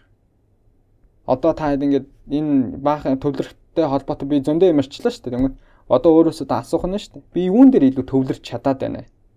Тэгмэд нөгөө төвлөрч байгаа зүйлүүд бүгдийн цахан цаасан дээр бичээд үзэхгүй. Би ийм юм ихээр төвлөрд юм байна.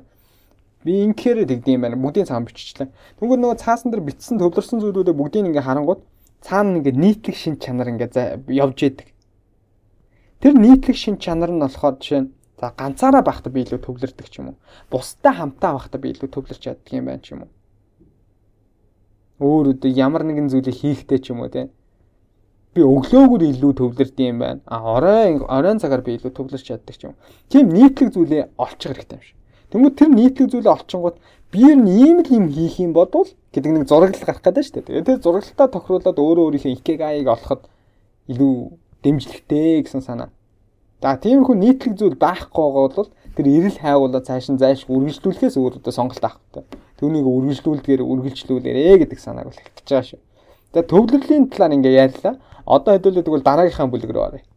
Одоо төгсгөлийн бүлгээрээ хэдүүлээ.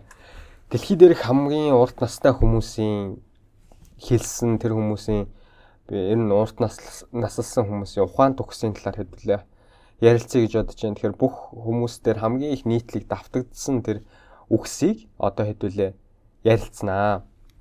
Тэр ихэнх хүмүүс бол эд бас унт гэдэг зүйлийг зөвлөсөн байна. Тэгэхээр энэ нь бол хүн өөрөө амарч сурах хэрэгтэй гэдэг санаа бол үнд яваад байгаа. Амарх үедээ хүн юу ч бодохгүй ажилласаа хүнд ирээд амарч сур. Тэгэхгүй амарч гин гэдэг нэрийдлэр хүмүүс ажиллаан боддог. Амралтын цаг нь яваад хахад давхар ажиллаа хийсээр байдаг. Тэгэхээр энэ байдал чи өөрөө хүнийг амарч чадахгүй тийм амьдралын хэм маяг руу хөтэлдэг гэдэг санаа. Тэгэхээр сайхан амар, сайн ид, амттай шимтэй хоолыг бай. Тэгвэл энэ урт наслахаас нэг нууц юм а гэж. За ихэнх хүмүүс бол өдөр зөвхөн 2 удаа хооллдог зүйлээ дурдсан байна. За зарим нь бол амьдралдаа мах идэж үзээгүй, арх согтууруулах ундааны зүйлийг бол ерөөсөө хэрэгэлдэггүй нь урт нас наслалтай холбоотой гэж тайлбарлсан. За мэдээж хөдөлгөөн байгаа. Ихэнх хүмүүс нь бүжгэн дуртай хөдөлгөөн хийж бүжиглэх тийм дуртай. За дээрэс нь хошин шогийн мэдрэмжтэй зан баян хүмүүсийг инээлгэж яадаг. Эргэн тойрондоо үргэлжил инээмсэглэлээр дүүрэн хүмүүсээр хүрээлүүлж яадаг нь эдгээр хүмүүсийн бас урт наслалтын нэг шалтгаан гэж хэлсэн байна. За тэгээ оюун ухаан бие махбодоо аль альнийг нь завгүй байлгаа гэдэг санааг бол дурдсан байна. Тэгээ энэ үгний цаана ямар утга явж байгаа гэхээр сурхаа хизээч битгий зогсоо гэсэн үг. Нас явж гин би одоо сурах цаг өнгөрсөн гэж манайхан тэгдэж штэ зарим Тэр бол ерөөсө буруу. Тэгээ сурах сурах зүйл бол таны яг үнхэлтэй ижлэх нь л дуусах хэвээр хүн насаараа бол суралцаар ах хэвээр гэдэг санаа. Тэгээд одоо байгаа яг энэ цагтаа л бид нар амьдрах хэвээр. Угаасаа бид нар ухарч чадахгүй дээ, тий. Өнгөрсөнд хийсэн зүйлдээ мянга харамсаа түүнийг өөрчлөе гэвч биднэрт ухрах боломж угаасаа байхгүй. Тийм бол одоо байгаа цагтаа илүү төвлөрөөд өөрийнхөө оюун санааг завгүй байлгаж ном сонин унших юм уу юу өргөн тойр юу болж байгаа тэр бүгдийг анзаарч түүнийг мэдэж түүнд суралцаж тэг бүх зүйлд илүү сониуч байдлаа харуулж бүх зүйлийг л илүү сонирхож жижиг гэлтгүү бүх зүйлд сониуч байдлаа үргэлж хадгалж явах юм бол энэ нь бас урт наслалтын нэг суурь шалтгаан байх боломжтой маа гэдэг зүйлийг дэлхийн хамгийн урт настай хүмүүс бол онцолж хэлсэн байна. Тэгэхээр хоёр зохиолчийн хувьд болохоор Огими дөнгөрүүлсэн энэ өдөр хоногуудынхаа хугацаанд болохоор тухайн тосгон бол 3200 хүнтэй гэж бодвол би ярианыхаа ихэнд хэлчихсэн. Тэг хамгийн урт настай тухайн тосгоны хамгийн урт настай 100 хүнээс ярилцлага авсан байна. Тэгээ энэ 100 хүн дээр хамгийн нийтлэг байдлаар давтагдсан нэг 5 санааг энэ дээр би базаж ерөнхийд нь хэлье гэж бодож байна. За хамгийн эхнийхэн зүйл нь болохоор тэр хүмүүсийн хамгийн их давтагдсан санаа нь бүх бүү санаа зов гэдэг зүйл. Эхнийх зүрх сэтгэлээ бид нар ингээд залуу халуун байлгахыг хүсвэл түүнийг хязээж бүх хөгшрүүлээ гэж. Санаа зовно гэдэг бол хүн өөрийгөө өөрийгөө зүрх сэтгэлийг хөгшрүүлж байгаа бол нэг хэлбэр юм аа. Тэгэхээр үргэлжил чамааг энэ үргэлж инээлгэж яадаг. Тэдгээр чамд үргэлж хайртай, чамайг халамжилж яадаг тийм хүмүүсээр л үргэлж хүрээлүүлж амьдрчээ. Тийм л хүмүүст өөрийн зүрх сэтгэлээ нээжээ гэдэг санааг хэлсэн байна. Тэгээ санаа зовнилоос зайлсхийх хамгийн шилдэг арга бол одоо чинь гудамжинд гараад хүмүүстэй мэдлэх. Зарим одоо өндөр настай хүмүүсийн хувьд болохоор өдөр бүр үүнийг хийдэг. Гадаа гараад годомжинд хүмүүстэй, годомжинд зөрж байгаа хүмүүстэй сайн байна уу? Тэгэл уулзаж дуусныхаа дараа дараа олцъё гэж хэлдэг. За эргэж зарим хүмүүс нь хүмүүстэй мэдснийхаа дараа эргэж гэртээ ороод өөрсдийн ногооны тал байдаа санаа тавьдаг, түүнийг арчилдаг. За үдээс хойш нь сайхан найзуудтайгаа цагийг өнгөрүүлдэг. Тэгээ энэ эв түнжинтэй байдал буюу ямар нэгэн зүйл санаа зовхгүй тэр санаа зовх цаг мөч хормоо бол илүү хайртай хүмүүстэйгээ юм уу өөрийнхөө хийх дуртай зүйлүүдэд цагийг зарцуулж өөрийгөө нэгсэнд оюун санаагаа бол санаа зовх тийм завгүй байлгаж яах гэсэн үг шүү дээ.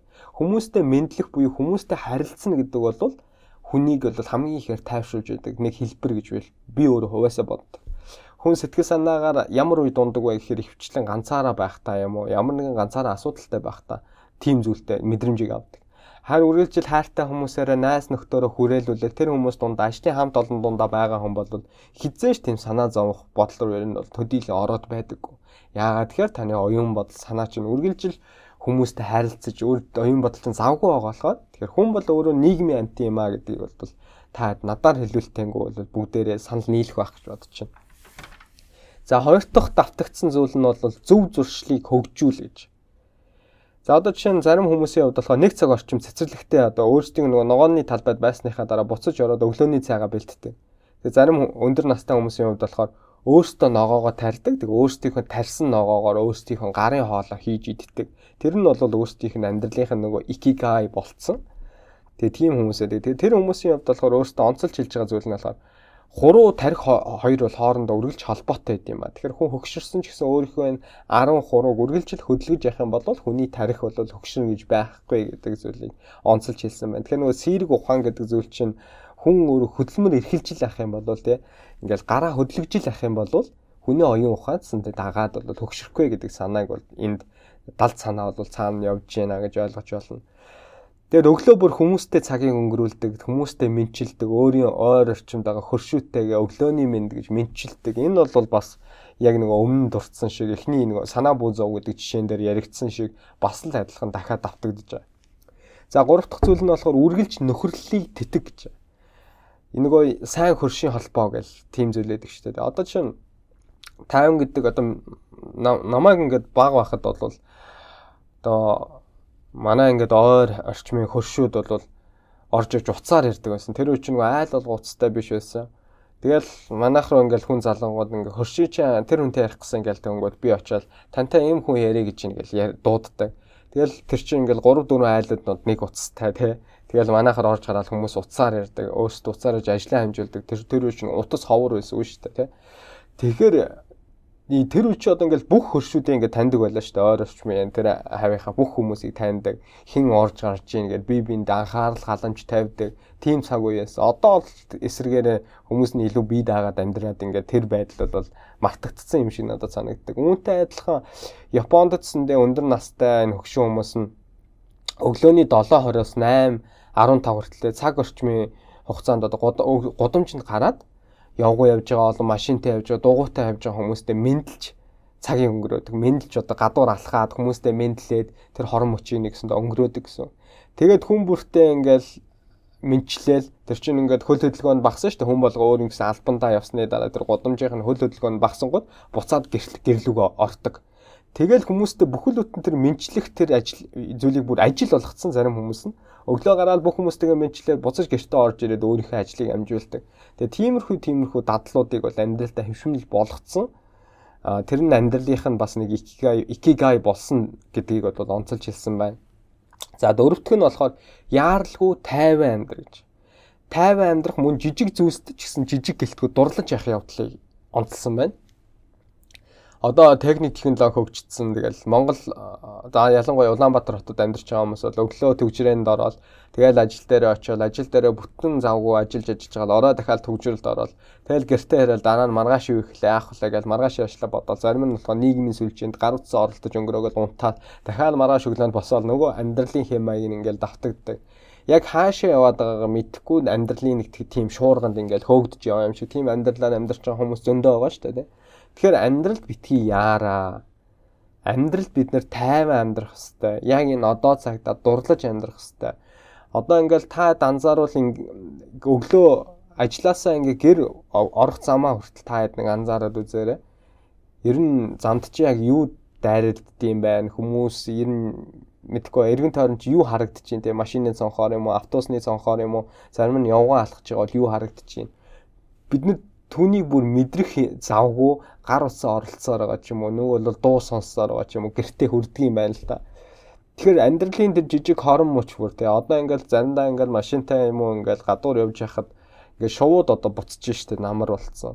Тэгээд шувуудын тэр халуун орон руу буцаж байгаа тэр цаг үеийг ингээл нэрч байгаа бөөнөрөө сүрэглээл нэрч байгаа тэр хорон мөчийг харах хүртэл гоё тийм мэдрэмжийг бол төрүүлж байгаа. Тэгэхээр амьдралын тийм жижигхэн гэлтгүү тийм хорон мөч бүрт хүн өөрөө баясаж, доогдолж, баярлаж хэн нэгэн чамайг баярлуулсан бодвол баярлаа гэж хэлдэг. Баярлаа гэж хэлээ тэрдэг. Хайртай хүмүүстэй хайртай шүү гэж хэлээд үнсдэг. Тэгэл ийм л байгаасаа гэдэг зүйлийг бол онцлж хэлсэн байна. Би бол үнтэй бол 100% санал нэг байна. За тав дахь зүйл нь болохоор өөдрөг бай гэж.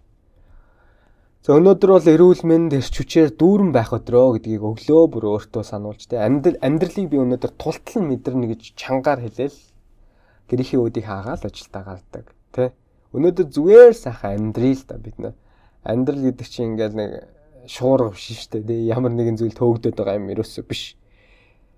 Тэгэхээр амьдралд хүн өөрөө ингээд өөдрөг байж, үргэлж инээмсэглэж, ялангуяа сайн дурын ажил хийх бол үний нэг хэлбэртэй. Хүнд өөрөө би тус болж байна. Нэг хүний амьдралд би хувь нэмэр оруулж байна гэдгийг хүн өөрөө мэдэрч байна гэдэг бол тэр хүний зүрх сэтгэлийг бол баяр баясгалангаар тэтгэж түүнээс гарсан мэдрэмжийн тухайн хүнийг илүү өөдрөг байх, утга учиртай амьдрах амьдрч байгаа тэр мэдрэмжийн тухайн хүнд өгдөг гэдэгтээ бол сайн дурын ажил хийдэг хүмүүс бол үүнтэй санал нэгдэх байх гэж бодож байна. Тэгэхээр огийн мэдих амьдралын энэ одоо өндөр настай хүмүүсийн хувьд бол онцолж хэлсэн те 100 гаруй хүнээс авсан ярилцлага дээр хамгийн их дурддагсан 5 зүйл бол ийм ийм 5 зүйлийг миний сая ярьсан 5 зүйлийг бол хэлсэн байна. Тэгэхээр бол энэ огеми гэдэг энэ тосгонд амьдралын хэм маягаар нь үндсэн зарчмууд нь юу ээж болох вэ гэдэг зүйлийг бол хэд хэдэн ингээд жагсаалт гаргацсан. Түүнээс би товчхон зүгээр энэ хүмүүсийн нийтлэг ингээд харагдаад байгаа зүйлүүдийг нь бол хэлье гэж бодож байна тухайн тосгонд амьдарч байгаа хүмүүс бүгдээрээ 100% өөрийн гэсэн ногооны талбай эзэмшдэг. Өөртөө ногоогоо тарьдаг. Тэгээд өөртөө тарьсан ногоогоороо хоолоо хийж иддэг. За дээрэс нь нэг нэгэндээ гэр бүл шиг анхаарал халамж тавьдаг. За жижиг гэлтгүү бүхнийг тэмдэглэн өнгөрүүлдэг. За тэмдэглэн өнгөрүүлдэг гэхээр Одоо нь баяр ёслол байгаа ш. Би Монголд ингээд баяр ёслол хэтэрхий олон болоод байна гэж хэлдэг ш хүмүүс. Би үүндээ бол үүнтэй санал нэгддэггүй. Монголд харин баяр ёслол олон байгаасаа гэж боддог. Яагаад тэгж боддог вэ гэхээр одоо баг байхад аа өвөө эмээ маань одоо аавын талын одоо өвөө эм аавын одоо аав ээж гэх юм уу? Одоо өвөө эмээ амьд сэрүүн байхад бид нар ингээд бүх үеэлүүдээр шинэ жил гэдэг баяр бол хамгийн гоё баяр л одоо ч гоё баяр Э, нь бөөнөрөө цугладаг. Тэгэл тэр чинь маш олон үеэлүүд хүүхдүүд цуглаж байгаа, аав ээж нь цуглаж байгаа. Орой 5 үед бөөнөрөө цуглаад хоо буузаа жигэнж идэл, салаатаа идэл, хоолундаа хэдэл, билууга зүсэл тэ. Тэгэл 11 хүртэл хүүхдүүдэнтэй тоглохын тоглоол, томчуудын тоглохын тоглоол, кино үзэх нь үзэж байгаа л 10 11 гэл гэртээ ингээл буцаж ирцгээгээл те. Тэгэл гэртээ шинэ оноо гаргадаг. Ийм халуун дулаан уур амьсгал бол байсан. Тэгэхээр би бол баяр ёслол гэдэг зүйлийг бид нар тэмдэглэн өнгөрүүлж байгаа арга хэлбэр нь л өөрөө буруу байгаа болохоос тэр хандлага нь өөрчлөх шаардлагатай байгаа болохоос би бол баяр ёслолыг харин олон байгаасаа гэж боддог. Энд чинь найз нөхдийг хоорондоо нь учруулж гэн ах トゥ садан эргэж хоорондоо нь уулзуулж танилцуулж энэ танай ах トゥ шүү гэдгийг мэдүүлж гин тэ тийм гой халуун дулаан уур амьсгалыг бол би маш ихээр хүсдэг. Тийм болохоор би өөрөө баяр ёслолыг жижиг гэлтгүй маш олон баяруудыг хайртай хүмүүстэй хамтдаа тэмдэглэн өнгөрүүлж байгаасаа гэж би хүсдэг. Найз нь өнөөдөр шинэ ажилд орсон бол найзынхаа шинэ ажлыг нь гоё тэмдэглэдэг. Заавал гуйж идэх албагүй шүү дээ гол найздаа баяр хүргээд хамтдаа гоё ороо хоолнд ороод цаашдынх нь ажилд ажилд нь амжилт төсөөд зүгээр суух чинь хүртэл хүнд маш гоё сэтгэлийн тийм баяр баясгалан итгэлийг өгж байгаа нэг хэлбэр байдаг аахгүй хэлбэр байдаг байхгүй юу гэж та хөөнтэй бол санал нийлэх байх. За дараагийнх нь болохоор нэг эсвэл хэд хэдэн амьдралын чухал зорилготой гэж хүн өөрийнхөө амьдралд яг итгэл үнэмшлээ болоод амьдралынхаа үнд зүйлтэй нэг нийлсэн нэг гоё зорилготой байх юм бол хүн түүнийхээ төлөө зүтгэдэг. Тэгээд амьдралынх нь өдөр тулганы хийж байгаа үйлдэлүүд нь хүртэл утга учиртай юм шиг санагдаж эхэлдэг. Тийм болохоор энэ нэг эсвэл хэд хэдэн амьдралын чухал зорилготой байх гэдэг бол яалчгүй чухал зүйлүүдийн нэг. За тэгээ уламжлал, соёл ёс заншлаараа маш их бахархдаг. За хийж байгаа бүх зүйлээ чин сэтгэлээсээ хийдэг. Ямар ч ажлыг бай хүн чин сэтгэлээсээ хийж байгаа бол хүн болвол хүмүүст үнэлэгдэж яадаг. Тэгээ чин сэтгэлээсээ хийх юм бусад хүмүүст үнэлэгдэхээс гадна хамгийн гол нь өөрөө дараа нь сэтгэл амар амгалан байна хэн нэгэнд хуураад юм хийгээд өгчвөл дараа нь бид нэг тэр тэр үед нэг яас сандраад хуураад нэг юм дутууд улмыг юм хийгээд өгцөн дөө гэж дараа нь шаналах биш би чин сэтгэлээсээ чадах чанарыг хийгээд өгцөн болохоор өөрийн сэтгэл бол амар амгалан байх тийм боломжтой байдаг. За тэгээд иймэрхүү зүйлүүд бол амьдралын хэмээн ихт нь бол аа ер нь нийтлэг байд юм байна. За тэгээд дээрэс нь бол хоолны дэглэм. Тэр хүмүүсийн дидэж уудаг амьдралын хэм маяг донд нь хоолны дэглэмийг онцолж ирэх гэж бодож байна. Тэгээ Японы зарим газруудтай харьцуулахад бол 3 дахин бага элсэн чихэр хэрэгэлдэг. За тэгэхээр элсэн чихрийн хэтрүүлийн хэрэглээ бол бас хүмүүсийн эрүүл, урт удаан наслалттай холбоотой байх нь. За дээрэс нь 2 дахин бага буюу өдөрт 7 г давс хэрэгэлдэг. За давсны хэрэглээ бол чухал гэдэг нь бол үүгээр гарч ирж байна. За дээрэс нь калор буюу одоо илчлэг ихтэй бүтээгдэхүүн бага хэрэгэлдэг. За бусад Японы одоо мууж болон хотуудтай харьцуулахад бол ойролцоогоо нэг 300 ккал буюу илчлэг багтай хоол хүнс бол огийн Окинавагийн хүмүүс одоо хэрэгэлдэг юм байна. За дараагийнх нь тэр хүмүүсийн амьдралын юм аяг бол мэдээж дасгал хөдөлгөөн. Гэтэ дасгал хөдөлгөөн гэхээр одоо бид нар шиг ингээл өдөржин суугаа ажил хийж байгаа л оройн жимд очиод маш эрчтэй хүнд цагаас 2-1 2 цагийн биеийг ачаал буусан дасгал хөдөлгөөн ерөөсөө хийдэггүй. Спорт клубт явна гэсэн ойлголт бол тэднэрт байдаггүй. Харин зүгээр өдөр тутмынх нь хийж байгаа тэр дадал болсон ажлуудыг хийхдээ л зогсоо чөлөөгүй л хөдөлж яадаг. Тэгэхээр тэр арга барил нь нөгөө нэг дор маш өндөр хэмжээний ачаал авах биш өдрийн төрш бага хэмжээний гэхдээ үргэлжил өөрийнх нь хөл гарыг хөдөлгөж яадаг тийм амьдралын химнэлтэй гэж бодод ойлгож байна. Тэгэхээр энэ нь эрүүл мэндтэй холбоотой зүгээр нэг сонирхолтой зүйлийг хэлэхэд 30 минут хүн суухад бодисын солилцоо 90%-аар удаашрдаг. За бүр 2 цаг суухад бол зөв холестерин бол 20%, зөв холестерин 20%-аар бол буурдаг. Тэгэхээр хүн иймэрхүү ийм сууга байдал хүнд ямар сөрөг нөлөөтэй гэдгийг бол энэ тоо баримтаас бол хэдүүл харж шít. Тэр хүн зүгээр л сандлаасаа босоод нэг нэг цаг тутам сандлаасаа босоод 5 минут ойр орчим яваал хүмүүстэй мэдлэл хүмүүстэй зүгээр энгийн чөлөөтэй яриа өрнүүлэхтэл бүх зүйл дахин ингээл энгийн эргэлддэг нөгөө голдролтой бол ордгоо гэсэн тийм нэг судалгаа явьж байна. Тэр бид нар хэд удаа нэг дор суух биш боломж гарвал цаг тутам 50 минут тутам босоод бас хөнгөн алхалт хийж байгаарэ гэдэг зүйлийг бол хэлэх гэсэн юм аа. За тэгээд тэр хүмүүсийн дараагийн нэг захиж байгаа зүйл нь болохоор стресс. Тэгэхээр бид нар хэрхэн энэ стресс төгшүүрт одоо өртөлгүүгээр те амьдралын тэр нэг сорилтуудтай нүүр тулгарх вэ гэж. Мэдээж хүн амьдрах гэж байгаа юм чи хүн амьдрахын тулд бол маш их тэмцэл хийж байгаа шүү дээ. Байгалийн шалгарлын хувьд бид нар амьдралд өөрийнхөө идэж уух гэж байгаа хоол хүнсээ олох хэвээр, ховцослох хэвээр, өөр хүүхдэд тэжээх хэвээр гэх мэтлээ. Тэгэхээр энэ шалгуурууд бол хүссэн хүсээгүй бүхэл хүмүүстэй тулгарна. Тэгэхээр энэ зүйлүүдэд бид нар яаж сэтгэлийн хаттайгаар стресст гүн гүнзгий авталгүйгээр бид нар даван тулах вэ гэдэг зүйл дээр ярьсан байна. Тэгээ энэ гой 3хан 3 гой мөр байгаа. Би энэ 3 гой мөрийг та хэдэд уншиж өгье гэж бодож байна. цаас үзэг байх юм бол гоё тэмдэглэж яваад өөрөө өөртөө бас та хэд маань та сануулж байгаа гэж хүсэж байна. Бурхан минь өөрчилж чадахгүй зүйлсийг таймнаар хүлээж авах нэгүслийг бидэнд хайрлаа. Өөрчлөх ёстой зүйлсийг өөрчилж чадах эр зөргийг мөн хайрлаа. Харин энэ хоёрыг хооронд нь ялгаж харах мэрэгэн ухааныг бас хайрлаач ээ гэж хэлсэн. Энэ бол үнэхээр гоё үг. Тэгэхээр хүний амьдралд хүн өөрөөсөө асуух хэрэгтэй байна л да. Би юуг нь хэн чадах уу, юуг нь хэн чадахгүй вэ гэж. Өөрчлөх боломжгүй зүйлийг би мянга санаа бодлоо чилээгээд стресстэй түүнд эрчүүч энерги зараад байх бол ямар ч үр дүн байхгүй тий. Тэгэхээр өөр өөрөөсөө үргэлжил асууж асууж. Тохиолдож бол хамгийн муу зүйл юу байх боломжтой вэ гэж. Өөрөө өөрөөсөө ингэж эргэцүүлсэн маш олон асуултуудыг асууж иж хүн өөрөө өөрийнхөө зөв хариултыг дотоод чин сэтгэлээс дотоод оюун ухамсараас гаргаж ирэх бол боломжтой гэж бол би хувьяасаа боддог. Тэгэхээр ер нь бол бүх юм өөрөө мөнхийн бос шүү дээ. Одоо цаг бол зууртын юмс шүү дээ. Тэгэхээр зөвхөн одоо цагдаа л бид нар оршин байх хэрэгтэй. Яг одоо би сая 5 минутын өмнө хэлээл өнгөрсөн зүйл өнгөрсөндөө өнгөрсөн болоод үлдчихэж байгаа хэрэг. Тэгэхээр цаг хугацаа бол ингээл явдгаараа явж ийн энэ цаг хугацааг хязээж бид нар зогсоох боломжгүй.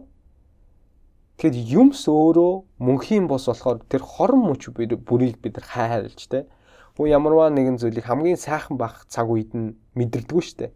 Бүүр ингээд хүнд хэцүү өдрүүдийг ингээд даван туулсныхаа дараа ард нь гарчаад энгийн өдрүүд хүртэл ямар хүнд гоё мөчүүд байсан юм бэ те. Энгийн өдрүүдийг хүртэл би хүн чин сэтгэлээс хүн өөрөө таашиж эхэлдэг штэ. Бүр аимшигтай хүнд үеүүдийн ард гарчаа тийм хүнд өдрүүдийг мэдэрчингүүтэй. Ваа би зүгээр л эв эрүүл ингээл годомжаар алхаж явах нь ямар гоё юм бэ гээл маш хүнд өвчин тусцсан хүмүүс ч юм уу дараа нь ингээ хэлж идэг те. Тэгэхээр тиймэрхүү тиймэрхүү тохиолдлууд байдаг болохоор хизээ хоон ингээд харамсах биш. Одоо байгаа зүйлдээ талархаж, одоо байгаа цаг хугацаанд оршин байхыг хичээгээрэй. Энэ өөрөө тийм амар зүйл биш. А гэхдээ үүнийгээ та ухамсарлаж байгаа цагт бол үүнийг амьдралынхаа дадал болгоход бол ойрхон боломжтой гэж бол би бодож байна. За дараагийн энэ хүмүүсийн хэлж байгаа зүйл Япон үзэл баримтлал гэж байгаа. Энэ их гоё үзэл баримтлал гоо үзэгслэн үзэгслэн төгс төгөлдрөө сайхын оронд төгс бус өө сэвтэй зүйлсээс хайх хэрэгтэй гэсэн санаа. Тэгэхээр одоо бид нар ингээд төгс төгөлдрийн түүл болсон төгс төгөлдөр болох нэг өвчин гэж байна шүү дээ. Тэгэхээр тэр төгс төгөлдөр болох өвчнөөс айлуулах өөрөө татгалзаж явах юм бол амар амгалан болоод сэтгэлийн хувь төгшүүргүй амьдрах тийм боломжтой. Тэгэхээр амьдралд бол төгс төгөлдөр зүйл байхгүй гэдэг нь хүмүүс бүгдээрээ гой хүлийн зөвшөөрч хэрэгтэй юм шиг. Тэгээд төгс төгөлдөр зүйл байхгүй харин төгс төгөлдөр бус зүйлсээс ч гэсэн бид нар сайн сайхан зүйлийг олж харахгүй нүдтэй шүү гэдэг бол хүн хүмүүс гой харуулж байгаасаа би бидээ түүнийг илэрхийлж байгаасаа гэж бол миний зүгээс боддгийн. За тэгээд дараагийнх нь зүйл болохоор сул дорой бус байдал гэж байгаа. Сул дорой бус байдал гэхээр улам илүү сайжрах гэсэн санаа л да үүний цаа. Тэгэхээр ирээдүйд гарчлах ямар нэгэн стресс даван туулахын тулд би яаж хэрхэн илүү улам хүчрэхэг байх вэ гэдэг санаа. Үүний тулд одоо юунд бэлтэх вэ гэдэг санаа аахгүй. Тэр нөөцийг бий болгож. Хоёр дахь орлогын их усүрийг аль болох бүрдүүлэхийг хичээгээрэй. Яагаад тэгэхээр нэг орлогын их усүртэй байжгаад нэг сагсан дотор бүх мөнгөө хийцэн байж байгаа нөгөөх нь энэ нийгмийн ямар нэг асуудлаар болоод асуудлаас шалтгаалаад ажилгүй болох юм уу нөгөө нэг сагсан дотор хийцэн байсан бүх мөнгө нь алга болох ч юм уу тэр тохиолдолд гарч болох эрсдлээс өөрийгөө зайлсхийхийн тулд өөрчилж үнийг хараарай л гэдэг санаа. За дараагийнх нь зүйл нь болохоор дараагийнх нь зүйл нь болохоор жижиг жижиг эрсдлүүдийг туршиж үзэх хэрэгтэй гэсэн санаа. Маш олон зүйлийг амьдралд өөрөө хүн жижиг гэлтгүү том гэлтгүү жижиг гэлтгүү маш олон эрсдлүүдтэй тулгарч байдаг. Гэтэ тэр жижиг жижиг эрсдлүүдийг хүн амьдралдаа өөрөө туршиж үзснээрээ түүнээс авчлах тэр мэдрэмж нь хүн эрсдлийг давах тэр эрсдлийг хэн чадах, эрсдлийг өдөрч чадах, өдөрдөж чадах тийм туршлагатай болдог. За дээрэс нь салж ангижрах зүйлс гэж байгаа. Тайван гэдэг энэ хүнийг ч юм уу таныг хоо хүний чинь ийм эмзэг болгодог зүйлс бидний амьдралд байдаг. Тэгэхээр тийм өөрөө чинь эмзэг болгоод байгаа тийм зүйлсээс айл болох ангижирч сураарай. Тийм найз нөхөд юм уу, тийм хүрээллийн дундаа бол өөрийгөө тэр хүрээлээс зөрөгтэйгээр татаж гаргаарай гэдэг санаа явж байгаа маа. За одоо ингээд тухайн Огими буюу дэлхийн хамгийн өндөр норчлолтой тосгоны хүмүүсийн амьдралын хэм маягийн талаар би ерөнхийд нь бол багцлаад ярилцлаа. Одоо хэдүүлээ дүгнэлтийн хэсэг рүү оръё. Бүхэд бүтэн цаг гаруй хугацаанд дэр нь икигай гэдэг философийн хүрээнд ярьлаа. Энэ икигайг өөрийнхөө амьдралын хэм маягийг ингээ өөрсдийнхөө икигай олсон хүмүүсийн бид нар үгийг сонслоо. Тэгээд тэр хүмүүсийн захиж хэлж байгаа зүйлүүдийг бид нар утга учиртай амьдралд илүү ойртохын тулд бид нар юун дээр анхаарах хэвтэй энэ түүнийг биднэрт илүү онцолж хэлсэн байна. Тэгээд дүгнэлтийн хэдүүлээ ингээд хамтдаа хийхэд хүн бүрийн икигай бол өөр өөр боловч бүгдээр утга учирыг эрэлхийлэгчд гэдэгтэй бол хүн болгон санал нэгдэх баг. Бүгдээрээ л амьдралын ямар нэгэн утга учирыг л хайж явж байгаа хүмүүс шүү дээ. Тэр өнөө цагт бид ингээл баг багаар л жинхэнэ мөн чанараасаа ингээл дайжаал хөндийрөөл утга учраа нь ингээд дутмаг амьдралын хэм маяг руу бид нар орж ийн л та. Тим зүйл рүү өөрөө ирэхгүй чиглэж байна. Тэгэхээр бид нар өөрт мэдрэгдэж байгаа тэр өөрийн зөн сонгоо дагаарай гэдэг зүйлийг захиж хэлж байгаа. Хин нэгний үгээр биш те. Дотор зүрх сэтгэл чи юу мэдэрч чинь түүнийгээ сонсдог байгаарэ. Түүндээ цаг зарцуулдаг байгаарэ гэдэг нь санаа явж байгаа. Тэр икигайтайгаа холбогдох төгс арга зам гэж бол үнэндээ байхгүй. Одоо ингээл энэ номын төгсгөл ярьсан зүйлүүдийг ингээл багслаад үзэх юм бол за би өөрийнхөө икигайг олохын тулд яг яах ёстой гэдэг асуулт гарч ирж байгаа. Гэтэл энэ номон дээр их ингээд яг ийм зүйлийг хийх юм бол та өөрийн икигай олно гэдэг зүйл бол ерөөсөө байхгүй. Тэгэхээр энэ төгс арга зам түүнийг олоход юм уу түүнтэй холбогдоход төгс арга зам гэж ерөөсөө байхгүй. А гэхдээ бидний энэ одоо номон дээр дурдгдсан энэ Окинавачуудаас сурсан нэг зүйл нь юу вэ гэхээр Икигай гэдэг зүйлээ бид нэр олоход тэгтлээ санаа зовох ерөөсөө хэрэггүй гэдэг санаа. Амьдрал бол өөрөө шийдэх ёстой асуудал биш шүү дээ. Харин чамайг хайрладаг тийм хүмүүсээр хүмүүсээр хүрээлүүлж өөрийн дуртай зүйлээ хийж завгүй байхын нэр юм гэдгийг хүн болгон санаж яваарэ гэдэг зүйлийг бол номынхон төгсгөл хоёр зохиолч маань бид бүхэн загсан байна. Тэгэхээр энэ хүртэл хамтдаа байж амьдралын утга учирын талаар маш олон сонирхолтой яриануудыг сонсож төвчээртэй өөрийн үнэтэй цагаа зарцуулсан сонсогч танд маш их баярлалаа.